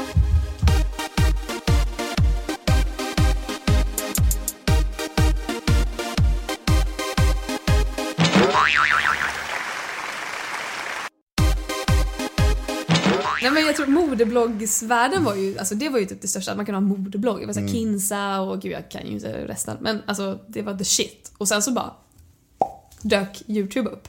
Eh, och att så här, här var liksom typ William, så här, liten töntig kille med glasögon från Norrland som typ eh, skämtade om sin gympalärare och jag, så här, jag hade ju svinkoppor över halva ansiktet när jag gjorde den här julmustvideon.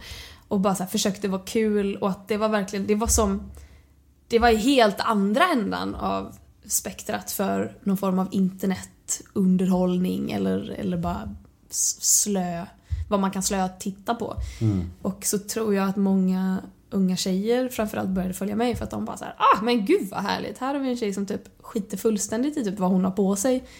Och att det som är innehållet är faktiskt vad hon säger. Att det blev, det, ja, för mig var det i alla fall en, en, en ny värld, en, en fristad liksom från Men det är väldigt vad- ytliga. Men var det någonting som du hade känt att du ville göra? Alltså att höra, synas och uttrycka det. Har det liksom varit så genom hela livet så att jag ska göra någonting kreativt? Är det det som du har tänkt att du ska göra? Jag tror det, ja.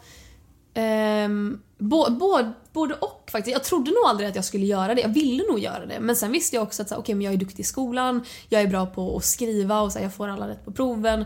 Eh, mamma och pappa tycker liksom, så här, ingen av dem har ju utbildat sig, liksom gått på universitet eller så. Så de har ju alltid varit bara så här, våra barn ska göra det som vi aldrig gjorde. Liksom. Så de har varit super, det är klart att du ska plugga vidare. Vad vill du bli? Jo, men då kan man gå den här utbildningen och det har varit jätteviktigt för dem. Så att jag var alltid så inställd på att så här, men jag kommer nog bli akademiker. Typ, för att min hjärna är lagd åt det hållet, att jag kan plugga. Um, samtidigt som jag bara drömde om att typ bli artist eller att bli författare eller någonting kreativt. Och så har jag väl, det här, det här är konstigt, det här kan jag inte riktigt sätta ord på, men jag har ju alltid tänkt typ att så här. Kanske är för att det inte var så jävla lätt i skolan, men att man bara en dag kommer jag också bli någonting. Eh, man läste liksom de här BRIS-idolkorten, typ såhär Lale, och hon var utfryst och man bara jag är också utfryst. Jag ska också bli en Lale.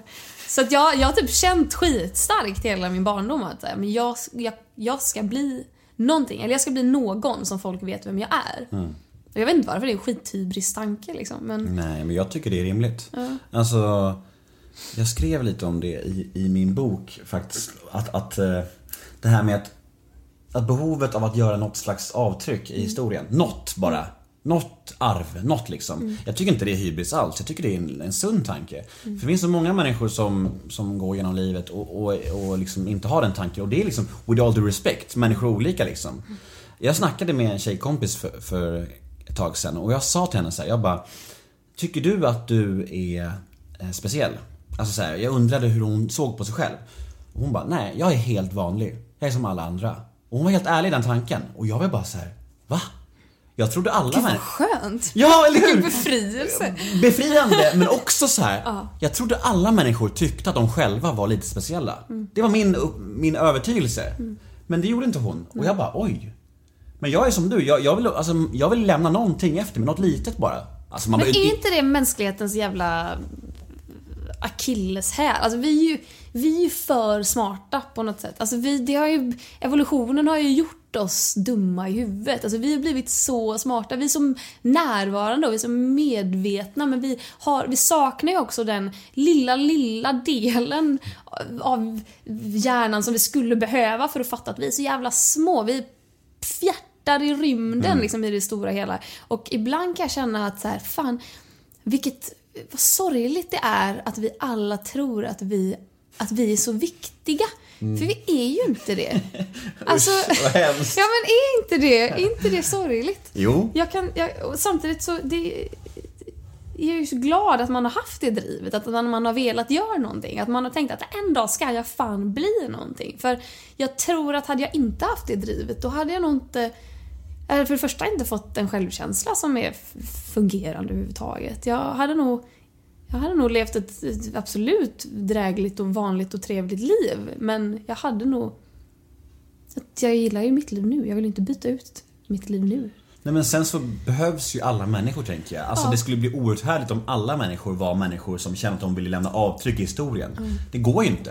Vissa människor vill ju jobba på ett, eh, på SOS liksom och det är ju fine, det är ju fantastiskt. Alltså Mm. alla människor drar sitt strå till stacken liksom. Det är så det fungerar till slut. Eh, det, Men var inte det liksom, det var ju den stora, tänker jag, 60-tals uppfostran. Alltså när välfärdssverige var det som var det vackraste som fanns. Att jantelagen bara, du ska faktiskt inte tro på att du är någon. Eh, ja, vad vill du bli? Ja, hur ska du bidra till samhället? Istället för, som det jag upplever att det är nu, liksom 90-talsgenerationen kanske framförallt.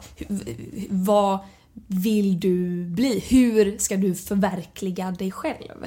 Det känns som att det har blivit en, en tvärvändning och jag kan nästan så här längta tills vi kommer till att vi uppfostrar barn i eh, det här kollektiva tänkandet. Att så här, hur, hur ska du göra för att den här världen ska bli en bättre plats? För det handlar faktiskt inte om dig din lilla snorunge. det är ju någon som borde säga det till oss snarare. Det är ju vi som sitter här och säger att vi vill lämna avtryck i historien. Men det kan ge mig panik. Jag kan ju vakna på morgonen och bara vad fan är det jag håller på med? Varför inte jag? Fast å andra sidan en kompis till mig, hans kompis är typ barnläkare. Så här, barnkirurg eller något sånt. Och att Gustav, min kompis då, hade sagt att så här, ja, jag pratade med honom och han sa att så här, nej men jag mår fan dåligt. Jag undrar vad jag, vad jag gör med mitt liv. Ska inte jag göra någonting vettigt? Och Gustav hade bara Va? Va? Vad säger du? Vad fan är det du säger? Du räddar barn.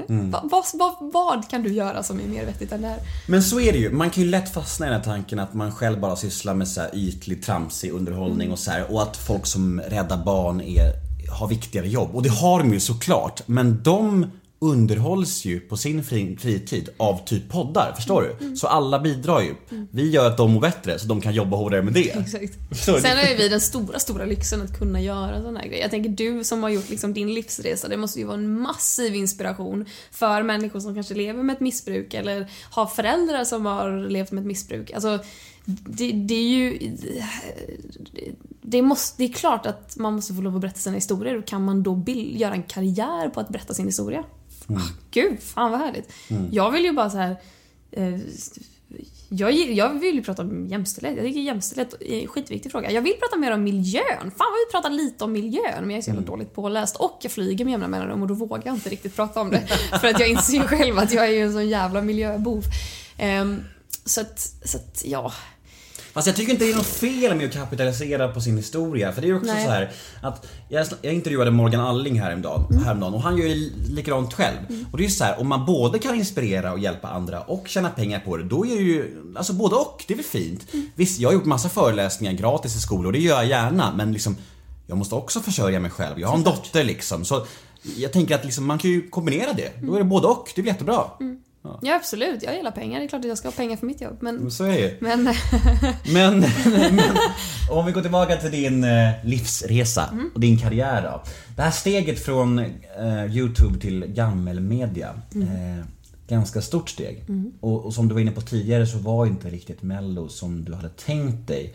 Att det var liksom Ja, stress och press och folk tyckte saker om dig och, och jag har hört från flera som har jobbat med mello att det är ganska taskigt betalt med tanke på hur mycket jobb och hur, alltså hur stort projekt det är. Att man liksom är så mycket och så lång tid liksom. Intensivt. Eh, känner du att du, hade du gjort om det nu, idag? Då hade du. det hade jag. Eller alltså inte det jag gjorde 2014. Nej. Men som programledare hade jag absolut gjort det. Men var, var eh, kunde du föreställa dig hur mycket jobb det skulle vara?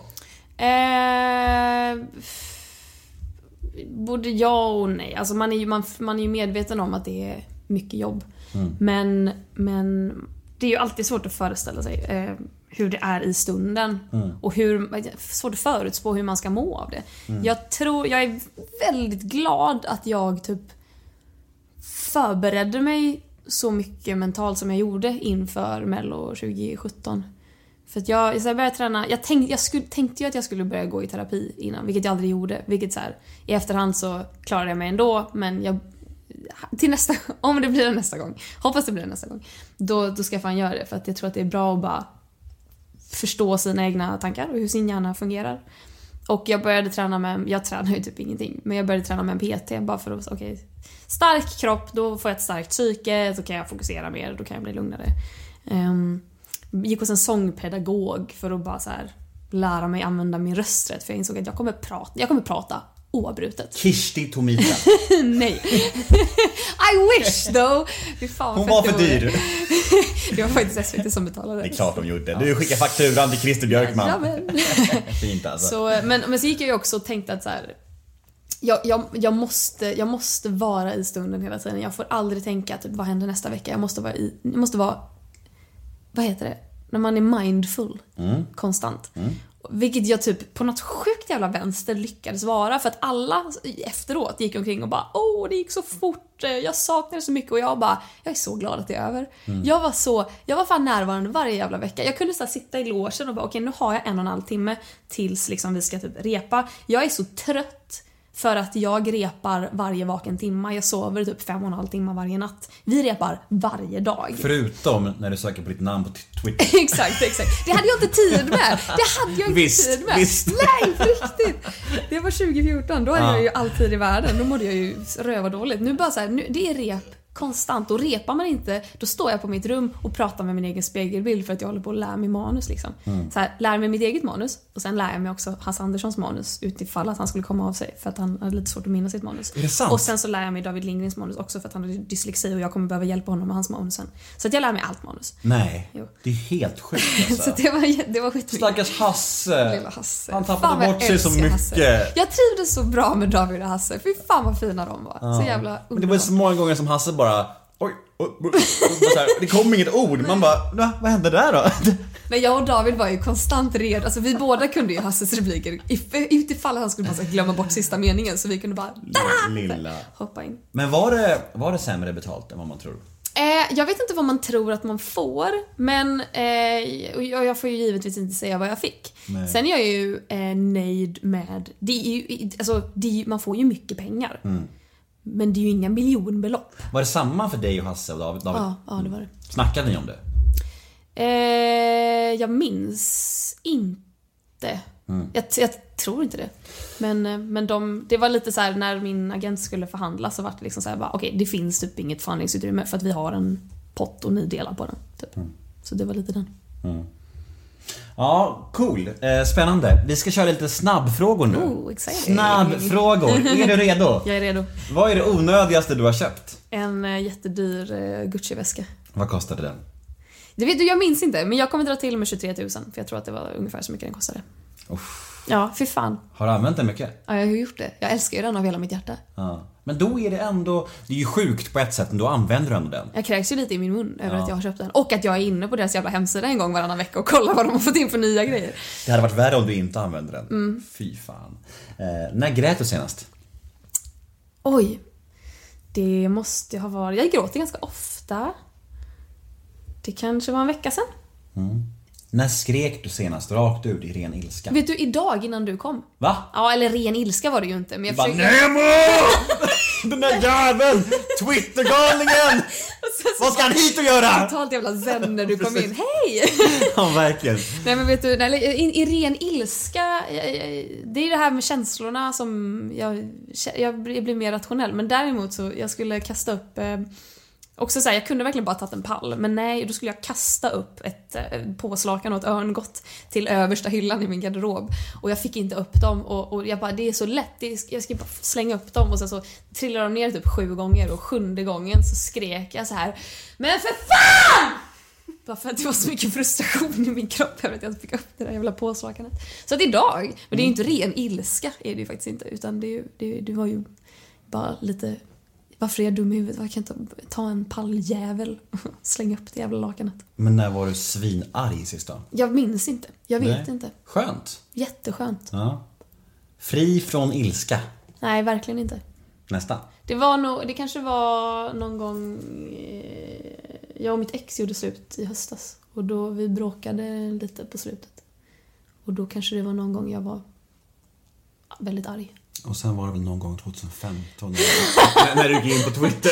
Precis. Och innan dess var det högstadiet Ja, allting var bajs. Tre tillfällen. Ja, exakt.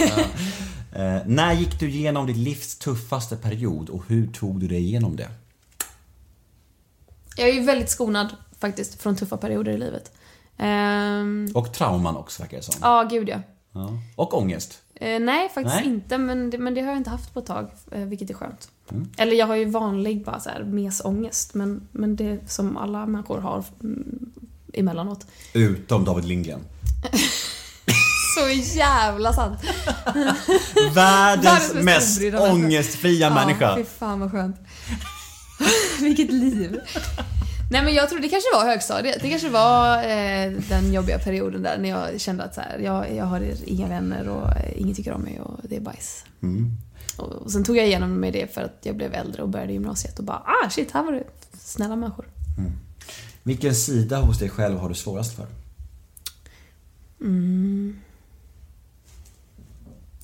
Att... Oh, vilka ska jag välja?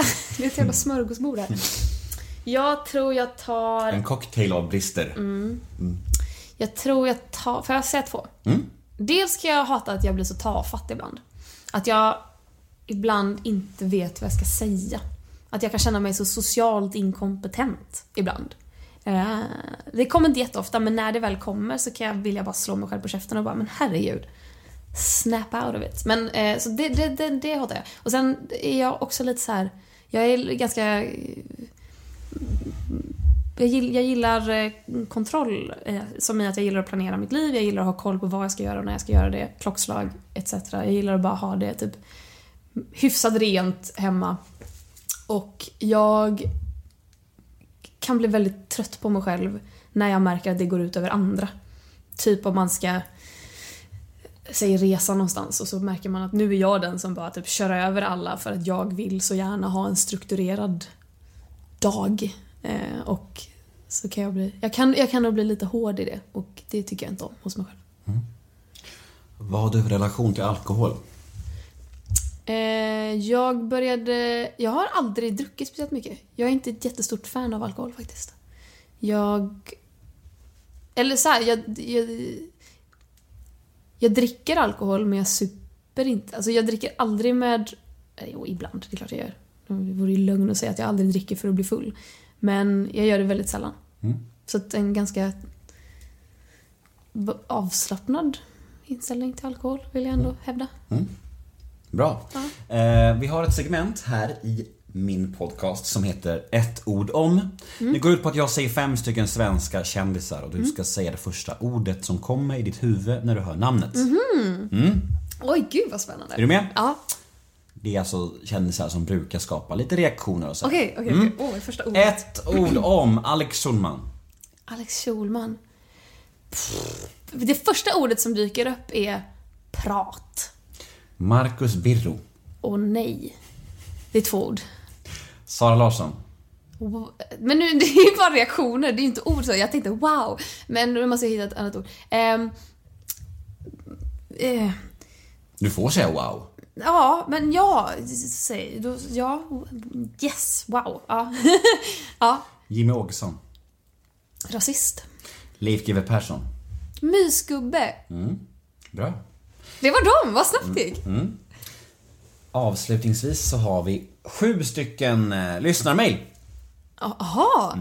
Sånt har vi här i Nemo möter en vän. Gud vad trevligt. Eh, hej Klara! Berätta om Sjukt oklar. Produktionen, idén, inspelningen, allt. Och grattis till framgången med serien. Fy fan vad gulligt. Vem har skrivit det? Nej, det vet jag inte. Det är anonymt. Nej men det är kommentarer och, och Okej. jag, la upp, jag la upp eh, er på...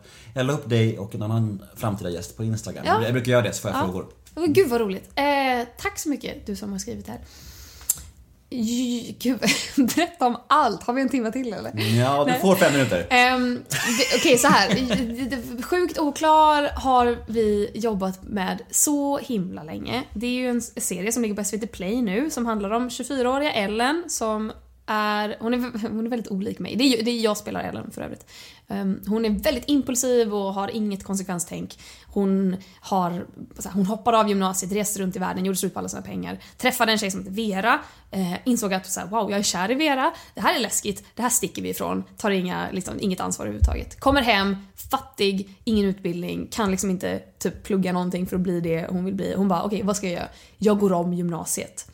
Fast jag då fejkar att jag är 16 för att det vore ju tragiskt om en 24-åring skulle typ gå om gymnasiet. Eller bara vara lite normal och gå komvux typ. Ehm, då visar det sig att Vera jobbar som lärare på den här skolan. Och dan, dan, dan, då ställs hon inför dilemmat. Ska hon... Hon, hon är ju också fortfarande kär i Vera. Så för att få Vera då måste hon ju faktiskt avslöja sin hemlighet. Men avslöjar hon sin hemlighet då... ehm, ja, det är ju inte direkt lagligt att förfalska sin identitet. Så att, eh, ja... det- Cliffhanger. Ja, eh, den har fått så hysteriskt bra respons vilket jag tycker är skitkul och oväntat för jag tänkte så här att det kom, alltså folk kommer ju se den men det kanske inte kommer vara så många. Eh, så länge folk tycker att den är helt okej, medium bra, då kommer jag vara nöjd. Men folk har tyckt att den var jätterolig och jättebra och jättefin och det gör mig superglad. Mm, och det är ju, vi, vi jobbade med den i alltså typ två och ett halvt år Oj. innan den, eller jag kanske överdriver nu, det kanske är två år.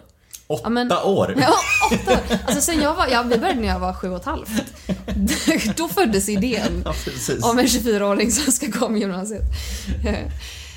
Eh, Och eh, jag har varit med eh, från början, från idén till liksom att så här, mm, plocka in manusförfattare och jag är så glad att Noffi och Lina har skrivit manus för de är kompisar sedan tidigare och som jag har jobbat mycket med som jag tycker jättemycket om. Och inspelningen, vi spelade in i augusti i en så varm skola för de hade ingen ventilation för att de hade ju stängt av den över sommaren. Så att det var 35 grader i ett av klassrummen som vi sitter i. Och vi kan liksom inte öppna fönstren för att det hörs för mycket liksom bilar och ljud utifrån så vi måste bara ha det stängt och sitta där inne i den lilla bastun. Ehm, men det var jätteroligt, alltså det var verkligen en av de roligaste grejerna jag har fått jobba med. Det var fantastiskt. Och jag är jättenöjd med resultatet. Och det finns på SVT Play nu. Ja. Ja, in och kolla Ja. alla lyssnare. Det ligger kvar i ett helt år. Ja men Så fantastiskt. det kan man se länge. Ja. Mail nummer två. Berätta om din relation med Keyyo. Man får känslan av att ni är typ bästa vänner. Men hur nära är ni egentligen? Eller är det främst en yrkesrelation? Eh, vi är faktiskt väldigt nära vänner. Hon är en av mina bästa vänner. Jag tycker så mycket om henne. Vi ses, vi ses ganska sällan egentligen. Jag vill ju träffa henne oftare men vi båda har liksom typ mycket för oss. Och, eh, men vi skriver väldigt ofta och vi ska ses nästa vecka.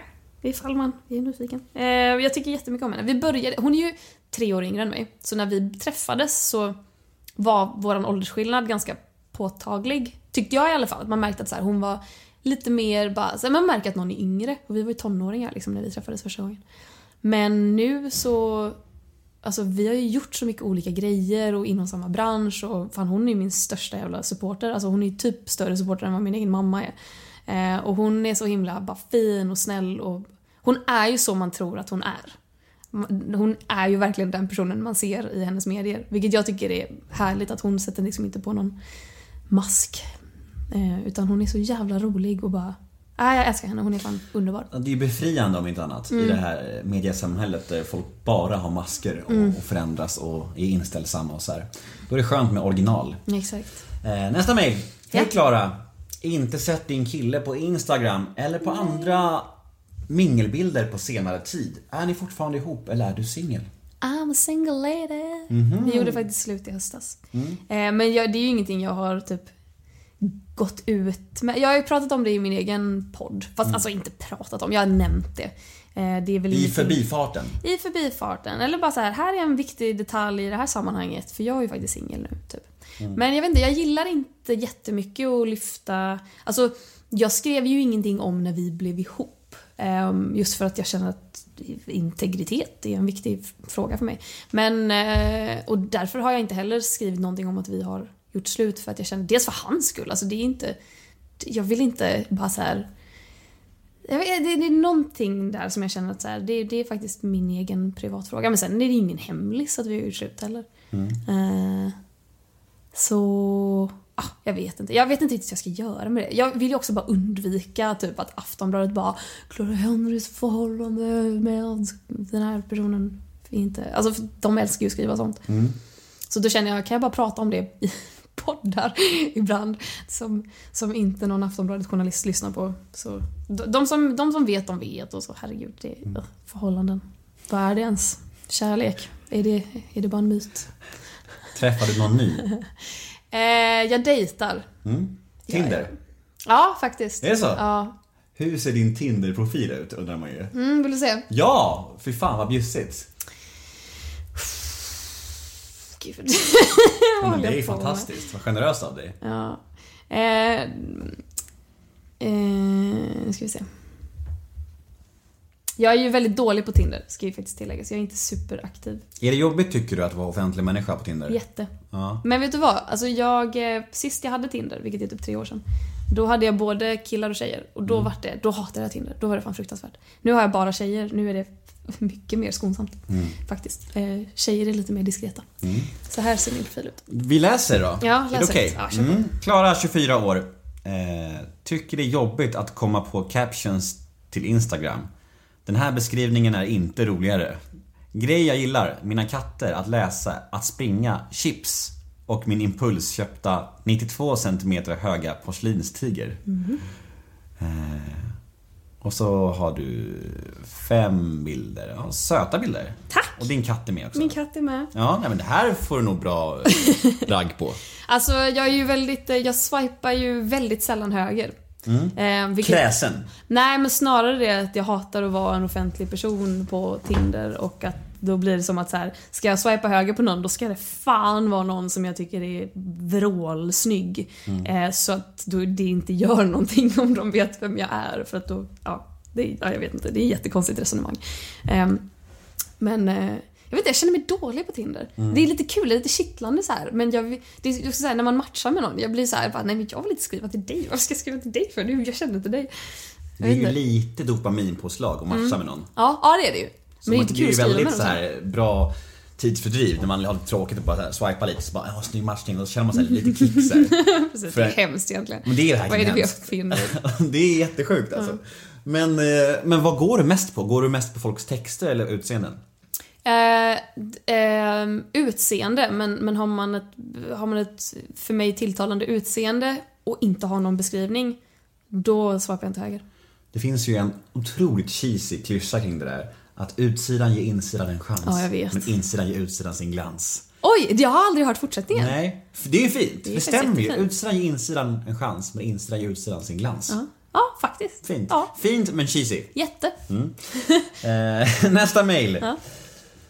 Två frågor i ett. Vad är det bästa med att föreläsa och vad pratar du om egentligen? Åh, vad gullig. Eh, jag pratar om, jag har, jag, har, jag har tre olika snack varav ett kör jag nästan, nästan jämt. Eh, och det handlar om, det handlar om jämställdhet. Eh, och feminism genom både tiderna och idag och eh, hur jag kom in på det spåret och varför jag tycker att det är viktigt och typ lite personliga anekdoter kring liksom, ja, en jämställdhet. Liksom. Ehm, jag är jättedålig på att pitcha in den märker jag nu. Jag måste ju komma på något bättre sätt att sälja in den. Du får gig Folk ändå. tycker att den är Fan. bra. Ja, men du får gig ändå. Ja, folk Du- tycker att den är rolig, de skrattar när de ska skratta. Ja, det är bra. Så sen så ibland för typ företag brukar jag prata om typ så kommunikation, YouTube som plattform och som medie. Eh, och sen har jag pratat väldigt mycket om mens men jag börjar fasa ut den för att den är ganska ouppdaterad och den är det, det, det som gällde när jag skrev den gäller inte riktigt längre. Vad Eh, intressant ändå. Vad, vad har förändrats där? Hela attityden. Ja. Alltså jag tycker att det har blivit så... Jag kan stå och liksom prata om typ menstabu och känna att men herregud, ni, ni är så avslappnade. Och det var inte liksom 14-åringar Nej. för tre år sedan. Eh, Så jag tycker det är skitcoolt att se att det faktiskt har förändrats. Och... Eh, Din föreläsning har gjort sin nytta liksom. ja men jag tänker så här, både att jag har föreläst om det, boken släppte, typ alla andra som har pratat om mens. Att det liksom, det blev ett samtalsämne och att folk bara så här, hallå jag vill också prata om min mens. Att det blev så avslappnat på bara ett par år. Ja, det har verkligen blivit en förändring. Jag tycker det är asmäktigt. Eh, vad var första frågan? Hur det, vad det bästa är med att föreläsa? Ja, men precis. Vad är det bästa med att föreläsa och vad pratar du om egentligen? Ja, det bästa är väl när man kommer till en publik som man märker är eh, eh, de är peppade och glada och taggade. Alla vill vara där. Eh, alla är, har liksom typ sett fram emot det. De är intresserade, de kanske har frågor och så märker man att så här, de skrattar på alla rätta tillfällen. Jag blir peppad och typ börjar kanske improvisera lite, kommer på roliga grejer. När man känner att så här, det, det är som en dialog på något vänster fast det är bara jag som pratar. Och att man får mycket respons. Det är det bästa. Då får, där snackar vi dopaminkick. Bättre än Tinder. Ja, som fan! Föreläser hellre alla dagar i veckan. Bra. Eh, nästa mejl. Hej Klara, hur tänker du om stand-up? Är du nyfiken på att prova på det på allvar? Jag har, jag har faktiskt provat på det. Jag tycker att det är fruktansvärt. Jag, jag har gett upp. Alltså jag, tyckte det, jag får så mycket ångest. Det finns... Jag är, jag är ingen nervös människa. Alltså, om, när jag gjorde mello, alltså programledde mello, jag var nervös första deltävlingen. Då var, då, då, jag, min avföring hade inte önskvärd konsistens, kan jag ju meddela. Men Mm, detaljer. Ja. Mer, mer. märkte du fina ord jag använde för att beskriva det? Så det var första veckan, resten av veckan inte nervös. Kanske lite pirrig, alltså såhär, oh det ska bli kul. Men eh, jag, jag blir verkligen inte nervös. Det är fan vad man är skonad från det. Men stand det finns ingenting som gör mig så nervös som stand Det finns ingenting som ger mig så mycket ångest. Så här, dagar i förväg kan jag gå och må dåligt. Och, och jag kan liksom inte det är knappt så att jag kan leva ett vanligt liv. Jag kan sitta i möten och bara så zona ut för att jag är så nervös inför att jag ska köra standup. Så jag, jag har testat, jag tyckte det var fruktansvärt. Jag har testat fler gånger för jag tänkte att det är säkert bara fruktansvärt i början. Men nej, det var fruktansvärt varje gång. Så att jag tänker att det är säkert, det, jag vill inte säga att det inte är min grej. Men just nu där jag är i livet så är det inte min grej. Men det kanske blir min grej. Men var det fruktansvärt för att det var nervöst eller var det fruktansvärt för att det inte gick något bra? Eh, både och. Men jag har, jag, har, så här, jag har ångest innan, under och efter oavsett hur det går. Det kan, det, jag kan riva stället liksom. Och så är jag glad i fem minuter efteråt men sen kommer... Det är någon, någon form av bakisångest. Att så här, man vet att så här, det hände ingenting jobbigt. Var, jag gjorde inget pinsamt. Alla hade kul. Men vad fan har jag gjort? Det, det är någon... Jag, jag kan inte sätta ord på riktigt vad det är. Skamdusch. Du bara Ja, in i duschen, duscha. Skrubba, skrubba, Ja, skrubba. precis. fosterställning liksom. Ja, det är någonting jättekonstigt med det. Men om vi ska återkoppla till det här med att eh, man får diarré om man är nervös. får man ens det? Alltså är det en känd eh, grej, grej att man får det? Alltså, jag får det. Ja, du Det får det. Ja, jag har nog aldrig fått det. Nej. Av det. Men vad bra, då vet jag. Så funkar min mage. du ser. Eh, Nästa mail. Eh, älskar dina böcker Klara. Åh. Blir det fler? Åh gud. Eh, ja, slänger jag ur mig. Jag har inga planer på det nu. Jag skulle vilja skriva skönlitterärt. Men det känns som ett enormt mycket större projekt än att skriva Typ de två böcker jag gett ut nu är ju liksom 50% fakta, 50% åsikter om faktarna. Ehm, det är inte, jag ska inte säga att det är lätt att skriva det heller, men att skriva skönlitterärt då måste du ju bygga upp en värld i ditt huvud och formulera den. Ehm, så det hade varit coolt, men det är nog en bit in i framtiden. Kommer du någon gång skriva något slags självbiografiskt eller har du haft en för lycklig barndom för det? Eh, eh, jag vill ju göra det bara för att när jag sommarpratade så fick jag en kommentar från någon gubbe som bara så här Åh, hon har ju inte ens mått dåligt. Hur kan hon vara så glad? Varför låter ni någon sommarprata som inte ens har mått dåligt? Eh, så därför vill jag ju skriva en självbiografi någon gång i framtiden. Men jag tänker, det vill jag inte göra. Jag är, fan, jag är fyller 25. Vad har jag att skriva om? Då vill jag ju skriva det när jag är, om jag, peppa peppa, lever när jag är typ 60 kanske. Att man bara, här är mitt liv motherfuckers. Fast Marcus Martinus var 14. Ja. De är också en väldigt köpstark målgrupp. Det har de Det verkligen. Det. det. har de verkligen. Det är ändå starkt att släppa en biografi när man är 14. Jävlar. Det här var förskolan. Slut. slut, slut. ja, nästa mail. Hej Klara. Hur många gånger har du fått frågan om att vara med i Let's Dance? Och varför har du kontinuerligt tackat nej? Är det kastaren som har frågat tro? Nej men du är ju faktiskt, om, man ska, om jag ska eh, försvara den här frågan, så är ju du en typical Let's Dance eh, potentiell tillfrågad människa. Du har inte varit, och du har inte varit med. Men jag har aldrig varit med. Nej, jag har fått frågan många gånger. Eh, Jag vet inte hur många gånger. Många gånger.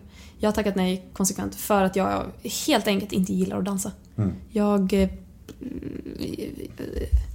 Jag ska... Och det är ju hemskt att säga det, men jag ska vara riktigt packad för att jag ska våga dansa. Och eh, det, det, gill, den, det gillar inte jag heller hos mig själv. Att jag måste ha alkohol för att kunna dansa eh, när det är andra människor närvarande. Men, men jag tycker inte om att dansa. Men skriv det i kontraktet då, att du måste ha en 70 vodka innan varje inspelning. innan varje sändning. Jag har ju tänkt dock att jag skulle, jag skulle typ kunna överväga att vara med om jag fick lov att vara eh, mannen, liksom, inom citationstecken. Att, f- får jag lov att sk- slippa typ en klacksko och någon jävla strassklänning som visar hela ryggtavlan. Kan jag få ha på mig typ en kostym, någon form av suit, låga skor och bara så här, här står jag still och viftar med någon tjej då som är skitduktig på att dansa. Får jag lov att vara, mm, inom citationstecken, mannen och dansa med en annan kvinna? Då hade jag kunnat vara med. Men då hade det också varit för att jag tycker att det är kul att vara lite normbrytande. Ehm, men, men jag vet inte. Prova och lägg fram det. Alltså jag har ju pratat, med hon som kastar och typ lagt fram det här och hon bara oh, det här är spännande. Typ, vi hörs nästa år. Men jag Det vet, hade jag vet varit det väldigt modernt. Det hade varit sjukt Ja. eh, samtida. Sen tror jag att jag har blivit utröstad direkt för att liksom alla som sitter och kollar på Let's Dance är såna... eh, De är liksom, tra- traditionella, Exakt. konservativa människor. Jag har följt Let's Dance i 12 års tid och jag har aldrig sett något Vad är det här? liknande. En tjej i kostym! Hon ska tjej ut som nu! dansar med en tjej. Vad tokigt. Jaha, men vad fan, vi börjar bli klara. Kul! Verkligen. Jävla superavsnitt känns det som. Vad härligt. Jättemysigt. Jätte, jättemysigt verkligen. Vad, vad ligger i pipen nu härnäst? Vad, Mm, härnäst. som du inte kan prata om? Eh, ja men nu kan jag nog prata om, alltså just nu händer det faktiskt inte så mycket. Alltså nu, nu, jag knegar på. Alltså jag åker runt, föreläser, eh, typ planerar mycket, bara såhär du vet Möten inför ett konferenciers-gig där, möte inför ett eventuellt jobb där. Ehm, ja men, det, det händer inte så här supermycket skitkul grejer som man kan prata om, men det är ganska soft. Jag gillar det. Och om man vill följa dig så finns ju du överallt. Ja, tycker du det? Ja, jag tycker det va? Du har ju Instagram och Twitter. Ja, podden Instagram, sig, Twitter, du har ju podd Ja, som heter... Konsten att vara heter Mm. den. Det är jag och min kompis Gustav som babblar. med In och lyssna på den, in och följ eh, Glasklara på Instagram. Instagram. Och Ja. Twitter. Ja, glasklart på Twitter. Glasklart. Eh, supertack för att du ville vara med. Alltså tack för att jag fick vara med. Det var jättekul. Det var jättemysigt. Mysigt att sluta fred. Verkligen. Alltså verbalt. Vart är fredspipan? Precis. Hej då! Hej då.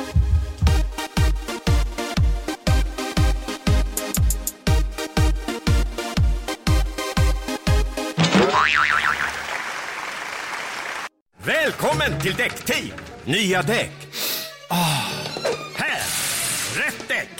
Och där! Snyggt! Ha! Ja! Där satt den! Easy peasy! Välj testvinnande däck från Continental i sommar. För säkerhets skull. Däckteam. Vet vilka däck du behöver.